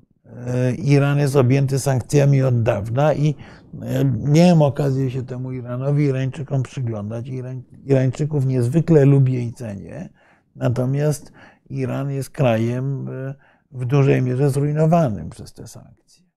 E, I Rosjanie też patrzą na to jako na swoją perspektywę przyszłości. E, ale pamiętajmy, że właśnie Iran opanował wiele rodzajów produkcji, na tyle prymitywne, że nie wymagają przykład nowoczesnej elektroniki z zachodu. I to, no to jest, szczerze mówiąc, dla Rosjan przerażające, że oni, oni, którzy nieustannie opowiadali o tych swoich fantastycznych wynalazkach, to niektóre naprawdę są, rodzaje broni są rzeczywiście bardzo nowoczesne rosyjskie, to, to trzeba sobie jasno powiedzieć. Wręcz pionierskie, ale, ale to są to jest sprzęt montowany z części zachodnich. W momencie, kiedy nie ma części, to, to, tak. to, to, to się nie da tego zbudować i trzeba zbudować prymitywny dron irański i kupować amunicję od y, Kim Jong-una, no co, co w ogóle jest jakimś, czy, czy rakiety, które zresztą Kore, Korea Północna to jest dokładnie ten sam case. To jest kraj, który jest objęty sankcjami, z tego produkuje prymitywne, ale w miarę skuteczne rodzaje broni. No. Tylko to, to, to, zaczyna, to, to, to, to zaczyna Rosję ośmieszać, no bo Rosja chciała występować jako ten eksporter najnowszych typów uzbrojenia. Okazuje się, że go nie ma, nie bardzo go może wyeksportować. Jest nieatrakcyjna wobec tego dla bardzo wielu krajów partnerskich, które ją traktowały właśnie jako dostarczyciela uzbrojenia, które się nie pyta, czy jesteście dyktaturą, czy potrzebujecie tego na wojnę, tylko sprzedaje, bo Amerykanie nie zawsze oczywiście i nie do końca, ale przynajmniej udają, że zadają takie pytanie, co, co, co niektóre reżimy denerwuje. Wróćmy jeszcze do tych spotkań i yy, amerykańsko-chińskich, czyli Xi z yy, Tutaj pan Adam Kluska powiada, że Korea Północna nie jest tyle przestarzała, mają lepsze wyrzutnie niż my. Yy, no tylko, hmm, tak sobie myślę, panie Adamie, że to, to nie jest dowodem nowoczesności tak. Korei, tylko tego, że być może my nie mamy najlepszych. E, Koreańczycy, Koreańczykom się udało rzeczywiście zbudować e, rakiety międzykontynentalne, broń atomową i tak dalej. Chiny nie mają tak, te, tego wszystkich kluczy do Korei Północnej, mają dużą część, to prawda. Mhm. Zresztą to, to, to mówiłem chyba, że Korea Północna jest tak naprawdę dla Chin tym, czym dla Białoruś dla Rosji, czyli takim testerem różnych szaleństw y, i, tego, jak na, na świecie zagra. Natomiast y, wracając do uzbrojenia, no jednak, jednak w wypadku w wypadku najbardziej nowoczesnych rodzajów broni wymagają one elektroniki, która jest kontrolowana wyłącznie przez kraje zachodnie. Znaczy, Szeroko rozumiane, bo widzimy, Japonia również. Widzimy to na froncie, prawda, jaka jest no tak, no, no mówię, no to, to, że Rosjanie muszą kupować irańskie drony, że tak. y, budują rakiety, które są teraz mniej celne i budują ich niewiele, zachowując rzeczywiście trochę tego uzbrojenia najwyższej klasy no, na ewentualną wojnę z nami po prostu, y, znaczy z nami w sensie NATO, bo, bo jeżeli to wystrzelają się z tego, no to, to, to, to, to są bezbronni tak naprawdę. To im zostają rakiety międzykontynentalne. E, jeszcze wrócić na chwilę do tych kontaktów chińsko-amerykańskich, czyli Xi-Biden. Bo co, co, co mi, jaki, jaki mieliśmy komunikat po zjeździe e, e, komunistycznej partii Chin, prawda? że to będzie pewna eskalacja konfliktu. Tak, że tak Chiny nagle, wrócą do wilczej polityki tak naprawdę. Tak, no, no, no ten opieprzenie tego Justina Trudeau było takim fragmentem, co tak. moim zdaniem e, to nie było aż tak drastycznie, jak to niektórzy polscy komentatorzy mówią, że ochrzanił go jak tam e, uczniaka, bo bardzo się ładnie Trudeau odgryzł, prawda? My jesteśmy wolnym krajem, wolna prasa, mm. mamy takie obyczaje, do widzenia staruszku, tak? Mm, tak ale, no. ale e, wiesz, no wyłonił się, Chiny, jakie miały się wyłonić i Xi, jakie się z tego wyłonił, to był taki wilcza polityka, coraz ostrzej i tak dalej, a nagle tu się okazuje, no tak, tylko... że pragmatyzm jednak bierze górę, czy, znaczy, czy, no jest czy bierze. pragmatyzm, to jest, znaczy, no, nie no, polityka mocarstw jest polityką pragmatyczną, bo w przeciwnym razie by się wszyscy pozabijali i byłby spokój. Natomiast Chiny muszą się stosować do pewnego minimalnego pragmatyzmu. Znaczy na pewno w Chinach nastąpiło, nastąpiło przestawienie zwrotnicy od e, gospodarki i bardzo stonowanej polityki, co było e, głównym modelem polityki chińskiej od czasów, od czasów Deng Xiaopinga, ku polityce bardziej imperialnej, którą zadeklarował Xi Jinping. Xi zapowiedział odzyskanie Tajwanu i z tego się nie wycofuje. Mhm. Xi zapowiedział dużo większą koncentrację na wewnętrznym rynku chińskim niż na eksporcie, co akurat Amerykanom też odpowiada, bo, bo, bo ta przewaga eksportowa Chin była dla nich już trudna do zaakceptowania. Yy, yy, I Xi yy, przede wszystkim konsoliduje jeszcze własną osobistą władzę. Wobec mhm. czego powstało pewne pole do porozumienia z Amerykanami, bo dla Xi Jinpinga z kolei wojna e, Putina e, przeciwko Ukrainie jest już bardzo niewygodna, bo gdyby to była krótka zwycięska wojenka, to oczywiście tego punktu widzenia dla Chińczyków był to dobry sygnał, był, bo byłaby to kolejna porażka Zachodu, osłabiająca Zachód psychologicznie, rozbijająca solidarność Zachodu, przybliżająca Chiny do, do aneksji Tajwanu. Bo oczywiście Rosja w relacjach z Chinami jest przez Chiny postrzegana jako kraj słaby, marginalny, i y, mający właściwie jedyny atut w postaci broni atomowej. Natomiast y, porażka Rosjan, co prawda, angażuje Stany Zjednoczone w Europie, y, co Chińczyków cieszy, bo, no, bo jednak jest to w jakiejś, w jakiejś mierze daje im więcej czasu. W, w istocie rozmowa Xi i, i Bidena sprowadziła się do tego, że e, Amerykanie nie mają ochoty na bardzo twardą politykę wobec Chin w tej chwili, bo nie mają, nie mają za bardzo potem już możliwości, bo są zaangażowani w konflikt z Rosjanami. Bez tego Chińczycy dostają rok, dwa lata oddechu. Ale z kolei, z kolei jeżeli Amerykanie złamią Putina, no to wtedy będą mieli właściwie rozwiązane ręce w y, konflikcie z Chinami. A jeżeli Amerykanie nie złamią Putina, bo Putin y, zdoła y, zaszantażować Zachód bronią atomową, to jest jeszcze gorsze gorsza wiadomość dla Chin, no bo jeżeli y, Zachód nie wygrywa wyraźnie w Ukrainie, to Zachód musi być solidarny pod parasolem amerykańskim, ponieważ będzie skonfrontowany z groźbą agresji rosyjskiej.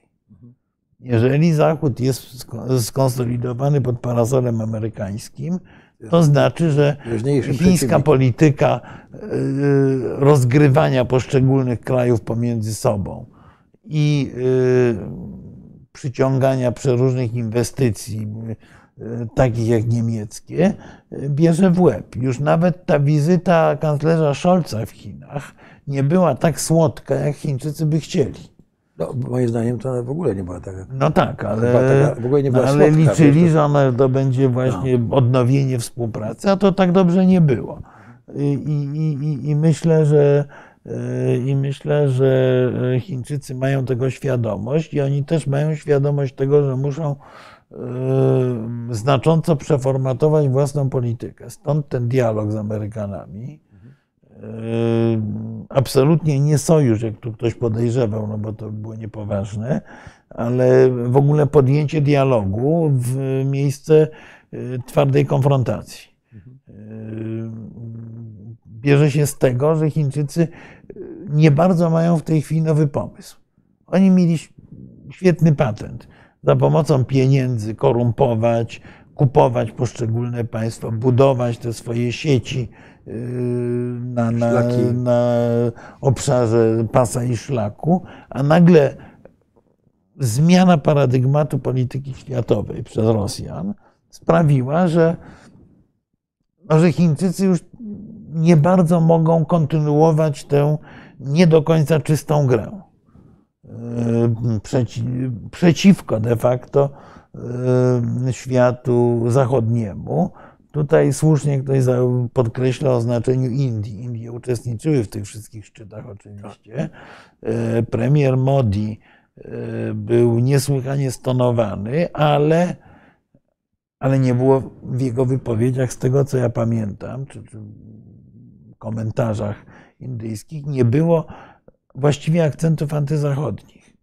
E, o ile jeszcze wcześniej Indie raczej skłaniały się do życzliwej neutralności, to Indie cały czas deklarują, że one nie będą po żadnej ze stron, ale zaczynają być bliżej Zachodu. A pamiętajmy o jednej rzeczy, że Indie, znaczy inaczej, jeżeli nie będziemy mieli, my Europejczycy, bo te setki miliardów y, euro, ponad prawie 400 w skali roku, niemieckiego handlu z Chinami, pamiętajmy, że jest to w dużej części nasz handel, kurczę, bo y, przecież my, my dostarczamy y, ogromną część komponentów do różnych niemieckich produktów, którymi oni handlują z Chinami. Wobec tego kryzys w relacjach niemiecko-chińskich rykoszetem oczywiście uderzy w polską gospodarkę, ale powiedzmy sobie szczerze, że e, jeżeli mamy mówić o reorientacji, bo to ta dywersyfikacja jest cały czas na tapecie rozmów gospodarczych, to jest jeden kraj na świecie, który może zastąpić Chiny. To są Indie. Tam jest, tam jest też półtora miliarda wygłodzonych konsumentów, którym można sprzedać różne rzeczy. Tak. E, I, no, a, a e, Chiny jednak dokonują, znaczy Indie dokonują jednak postępu. Indie dokonują ogromnych postępów. I są, ludzie są coraz bogatsi, lepiej sytuowani tak. i Indie mają też ogromny spływ z Chinami, prawda, i ciągle budują, prawda, infrastrukturę na granicy z Chinami i Indie, prawda, żeby się bronić przed tak. No co prawda ostatnio się broni, walczyli na kije, no ale... Ale nie, ja mówię o tym, że naprawdę budują infrastrukturę taką techniczną tak. przy tej granicy, żeby... Bo mało kto ma świadomość, że to jest dziesiąta co do długości granica świata. To tak. jest naprawdę długa granica, bo wszyscy mają wrażenie, że to jest tam te parę posterunków w Himalajach, ale przecież dalej na, na, na wschód y, cały, cały ten, ta wypustka Indii oddzielająca Chiny od Bangladeszu i od Birmy, to... Znaczy to... mówisz o tym y, E, to się nazywa no to, Kurczaka, czy... Tak, tak, tak, tak. tak, tak. No, na, na to, no, w... Kurczaka, tam jest ten 30 tak, kilometrów tego Tak, no, ale, ale, to jest, no, ale to jest y, obszar y, zalewowy Brahmaputry i tak dalej, tak. i tak dalej, i tak dalej. To, to jest znowu cała bardzo długa, bardzo długa debata, ale, ale istotne jest to, że y, zachodnie, zachodni przemysł, zachodnie usługi, zachodnie technologie potrzebują rynku. E, Chiny były tym rynkiem takim najbardziej oczywistym. E, obecnie, e, idąc w kierunku dywersyfikacji, koniecznie trzeba myśleć o Indiach. Indie mają świadomość, że jest to dla nich szansa. Bo przecież Chiny w dużej mierze rozwinęły się dzięki bardzo intensywnemu handlowi, ale również wsparciu amerykańskiemu, niemieckiemu i brytyjskiemu. No, no więc... Przyjęciu do WTO, prawda? Tak. I, I, przy okazji temu, że no, pokradli naprawdę dużo technologii. E, ja nie chcę tu, broń Boże, powiedzieć, że Chiny nie są zdolni do, do nie, nie, nie. No, Chiny, nie. No, Chiny są i, potężnym krajem, tak, nowocze- w miarę nowoczesnym i tak dalej. Natomiast... Wykształcili masę studentów na uniwersytetach amerykańskich. Natomiast Chiny są no to, to jest interesująca teza, że w Chinach jest wyższy poziom życia niż w Polsce. No tutaj skłonny byłbym jednak dyskutować, o ile oczywiście nie będziemy brali pod uwagę pięciu biurowców w Szanghaju z miliarderami, bo miliarderów w Chinach y, jest wystarczająca ilość, ale średni poziom życia jest nieporównywalny, proszę, proszę pana lub pani, który to komentuje. Natomiast, y, y, natomiast Chiny, natomiast Chiny są w takim punkcie zwrotnym swojej gospodarki, kiedy poziom upaństwowienia, uzależnienia od państwa jest bardzo duży i Chiny są świetnym producentem hardware'u. Natomiast zwróćmy uwagę, że software pochodzi z Indii, że Indie są e, krajem e, dużo bardziej kreatywnym niż Chiny. Nawet nie, ja się nie trzymam stereotypów, że Chiny są kolektywistyczne, aczkolwiek coś w tym jest ale niewątpliwie kreatywność Chińczyków, zresztą nie tylko Chińczyków, bo również Japończyków, y, nie jest, nie jest porównywalna z kreatywnością świata zachodniego czy właśnie Indii. I, i, i myślę, że, że to jest jakby kolejny, kolejny element tej globalnej układanki. Ja powiem tak, że w całej tej debacie my, my mówimy o tym, że się rodzi nowy, no, nowy ład światowy. Niewątpliwie tak.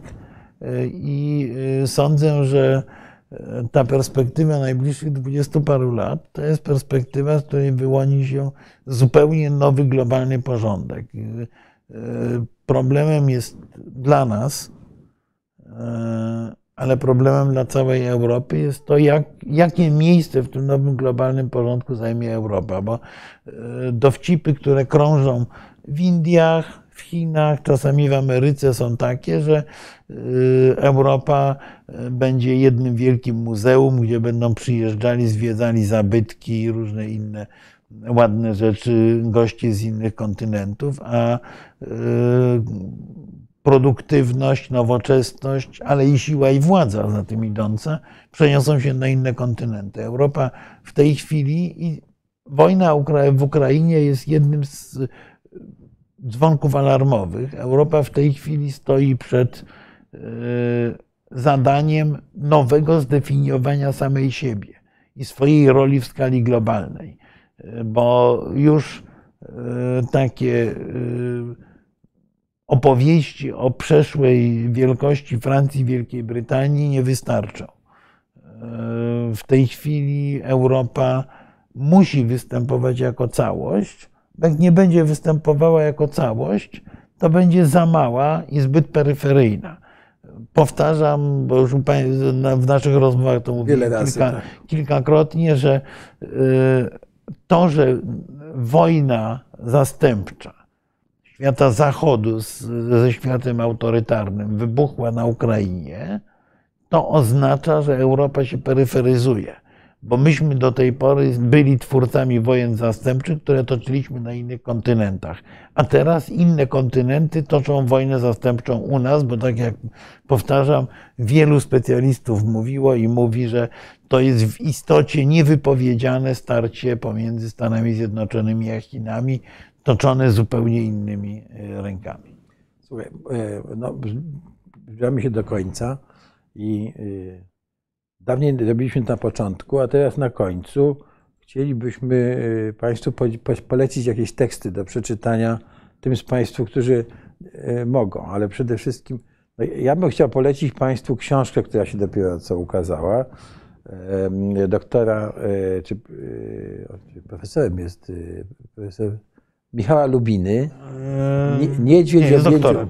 doktorem. Niedźwiedź w objęciu smoka. Doktor Lubina jest chyba w tej chwili na Tajwanie, ale książkę polecam, bo to jest jego druga książka o tak. tym, y, o, o, tematyce y, stosunków między. Tak, no i Michał, i Michał Lubina pisze tutaj o relacjach rosyjsko-chińskich, a właściwie o y, wzroście znaczenia Chin wobec Rosji.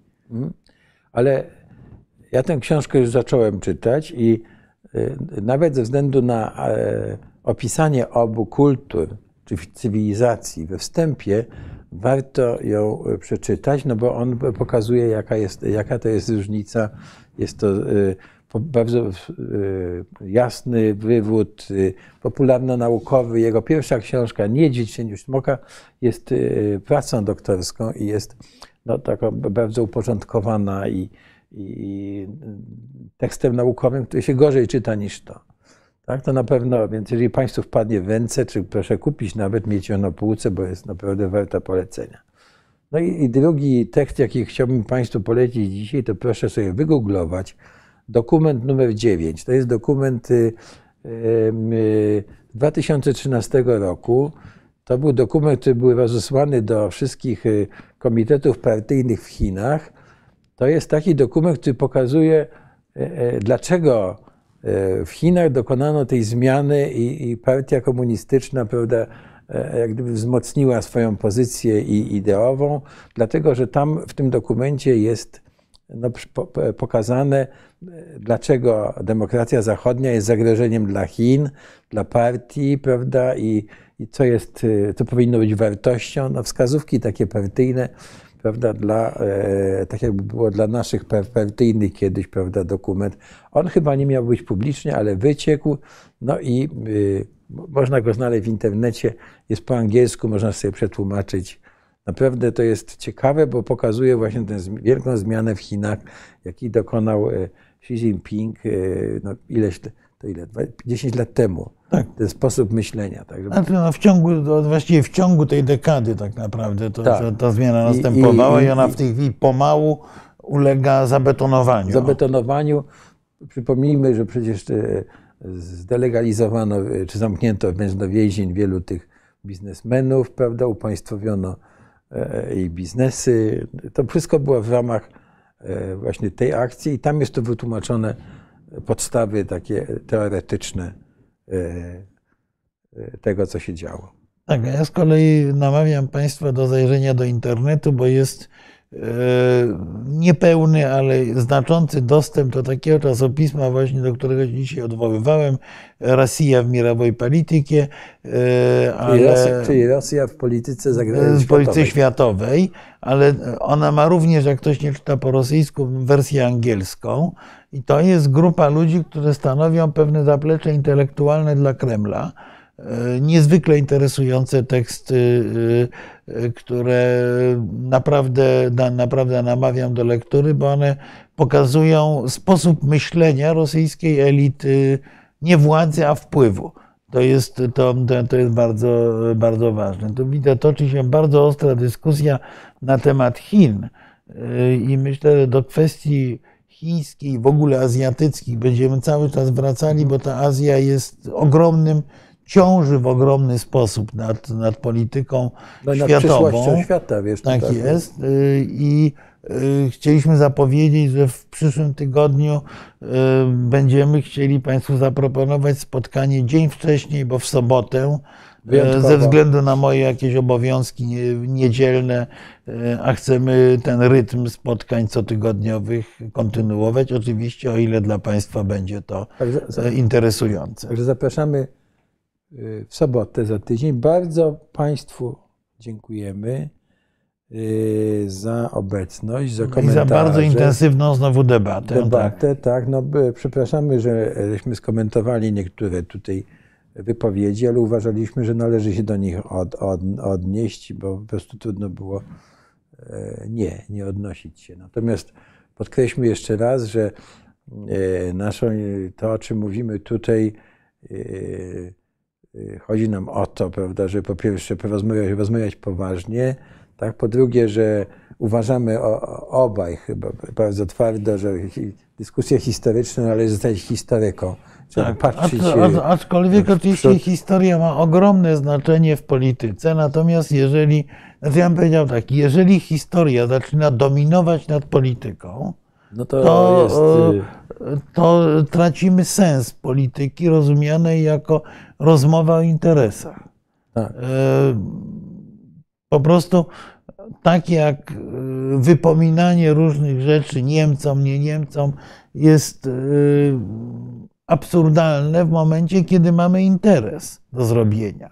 I y, nasz, na, zadaniem ludzi, którzy zajmują się polityką zagraniczną, jest zapewnienie bezpieczeństwa, dobrobytu i rozwoju. Rozwój, A nie y, tego, żeby mieć rację, bo y, to, że się ma rację w polityce, to nie znaczy, że tą rację w jakikolwiek sposób potrafi Tak. wprowadzić w życie. I pamiętajmy zawsze, że w polityce zagranicznej to jest tak, zwłaszcza jeśli chodzi o narody, że feelings are facts. To znaczy, że odczucia tych narodów to są fakty. Tak. To znaczy, że jeżeli Ukraińcy y, uważają, że ich bohaterem narodowym jest y, y, prawda, Bandera, to to jest faktem. To po prostu my możemy się burzyć przeciwko Ale temu. możemy, ale po możemy prostu- pracować intensywnie, robić, nie wiem, filmy, konferencje, oddziaływać, żeby przekonać Ukraińców, że właściwymi bohaterami, naszymi wspólnymi, to byli Iwan Wychowski i, y, y, i Ataman Petlura, a nie Chmielnicki i Bandera. Tak, Ale i ci, i e, ci si- siczowi, prawda, kozacy, którzy e, walczyli dla Rzeczpospolitej i, i kniaź Ostrowski był Tak. naszym bohaterem. Więc szukajmy tych e, Nie, wspólnych ale rzeczy. no właśnie, jest, właśnie tylko, że najpierw trzeba zbudować wspólnotę interesów, bo Tak. y, już w tej chwili na przykład narracja na temat Bogdana Chmielnickiego y, ukraińskich historyków jest zdecydowanie bardziej zniuansowana niż była wcześniej. Y, Wcześniej Chmielnicki to był wielki bohater, twórca Ukrainy. Teraz już się, teraz się patrzy na Chmielnickiego również jako na tego, który doprowadził do ugody perejsławskiej, czyli, czyli de facto podporządkowania Ukrainy Rosji. I zaczyna się nieco inaczej o nim mówić. Mhm. Y, To, je, to, to są procesy. A Ten proces może się rozwinąć w życzliwej dyskusji, a nie w przywaleniu pięścią w stół. Tu pan Adam Kluska słusznie pisze, że od 2002 roku Chiny niesamowicie się zmieniły. No To niesamowicie, prawda, tak. to prawda. To, to, To był to, raz, tak, ale to... Y, Tylko, panie Adamie, y, wiele krajów bardzo się zmieniło od tego 2002 roku. No. Rzeczywiście, rzeczywiście Chiny wyjątkowo, ale, y, ale dysku, jeszcze pomówimy o Chinach. Moja co, ocena. to, co to znaczy Chiny? Bo to jeszcze, Tak. wiesz, e, bo to trzeba, Tak, no, tak jak, jak byłem w Chinach tydzień, to napiszę książkę, tak? Tak. a jak, jak Chiny byłem znamy, Nie, jak byłeś tydzień, to napiszesz artykuł. Jak Artykuł. byłeś miesiąc, napiszesz książkę. Tak, ale jak, byłeś, jak byłeś trzy miesiące, to już rozumiesz, że trzeba tam spędzić życie, a i tak nie wystarczy, Tak żeby jest. zrozumieć. Tak, E, to, to jest to znane tak, powiedzenie. znane natomiast powiedzenie, natomiast e, rzeczywiście jest to, jest to problem, że Chiny dostały pewnej zadyszki, dostały pewnej zadyszki rozwojowej. E, Myślę, że w tej chwili muszą też zmienić model rozwoju z różnych powodów. E, Muszą. I to, to, Tak. to jest temat na, na, na, bardzo, na bardzo długą dyskusję. No tutaj właśnie pan Darek powiada, że mieli lepszych bohaterów niż, ban, niż Bandera, a słabo sobie wybrali. No, No, ale, będziemy- tak, no ale tak wybrali. No, więc mówię, y, pracujmy z nimi razem, żeby ich przekonać, że na przykład lepszym bohaterem jest Petlura. Ale, y, ale nie zadekretujemy tego, y, tupiąc i, i y, y, tupiąc i waląc pięścią w Tak. stół, bo to, to wywołuje odwrotny od zamierzonego efektu. No tak, a z, Litwinami z kolei też Z Litwina, ma, ma, mamy kłopot z no tym. ale z Litwinami roz, rozmowa o tym, żeby oni w ogóle o, o, Piłsudskim chcieli dyskutować, trwała lata. Ja pamiętam, jak wystąpiłem w y, Litewskiej Akademii Nauk w roku 1990 z referatem o Piłsudskim, to byłem traktowany prawie jak prowokator. W tej chwili y, rozmowa jest już zupełnie inna. Y, No ale minęło lat ponad 30. Ponad 30, tak. No niestety, nie, nie, nie, niestety czynnik czasu w polityce jest Tak. niesłychanie ważny. Bardzo ważne. I na tym kończymy. Dziękujemy Państwu Dziękuję serdecznie. Bardzo, do, dobranoc. Do, E, do zobaczenia za niecały tydzień. Za niecały tydzień.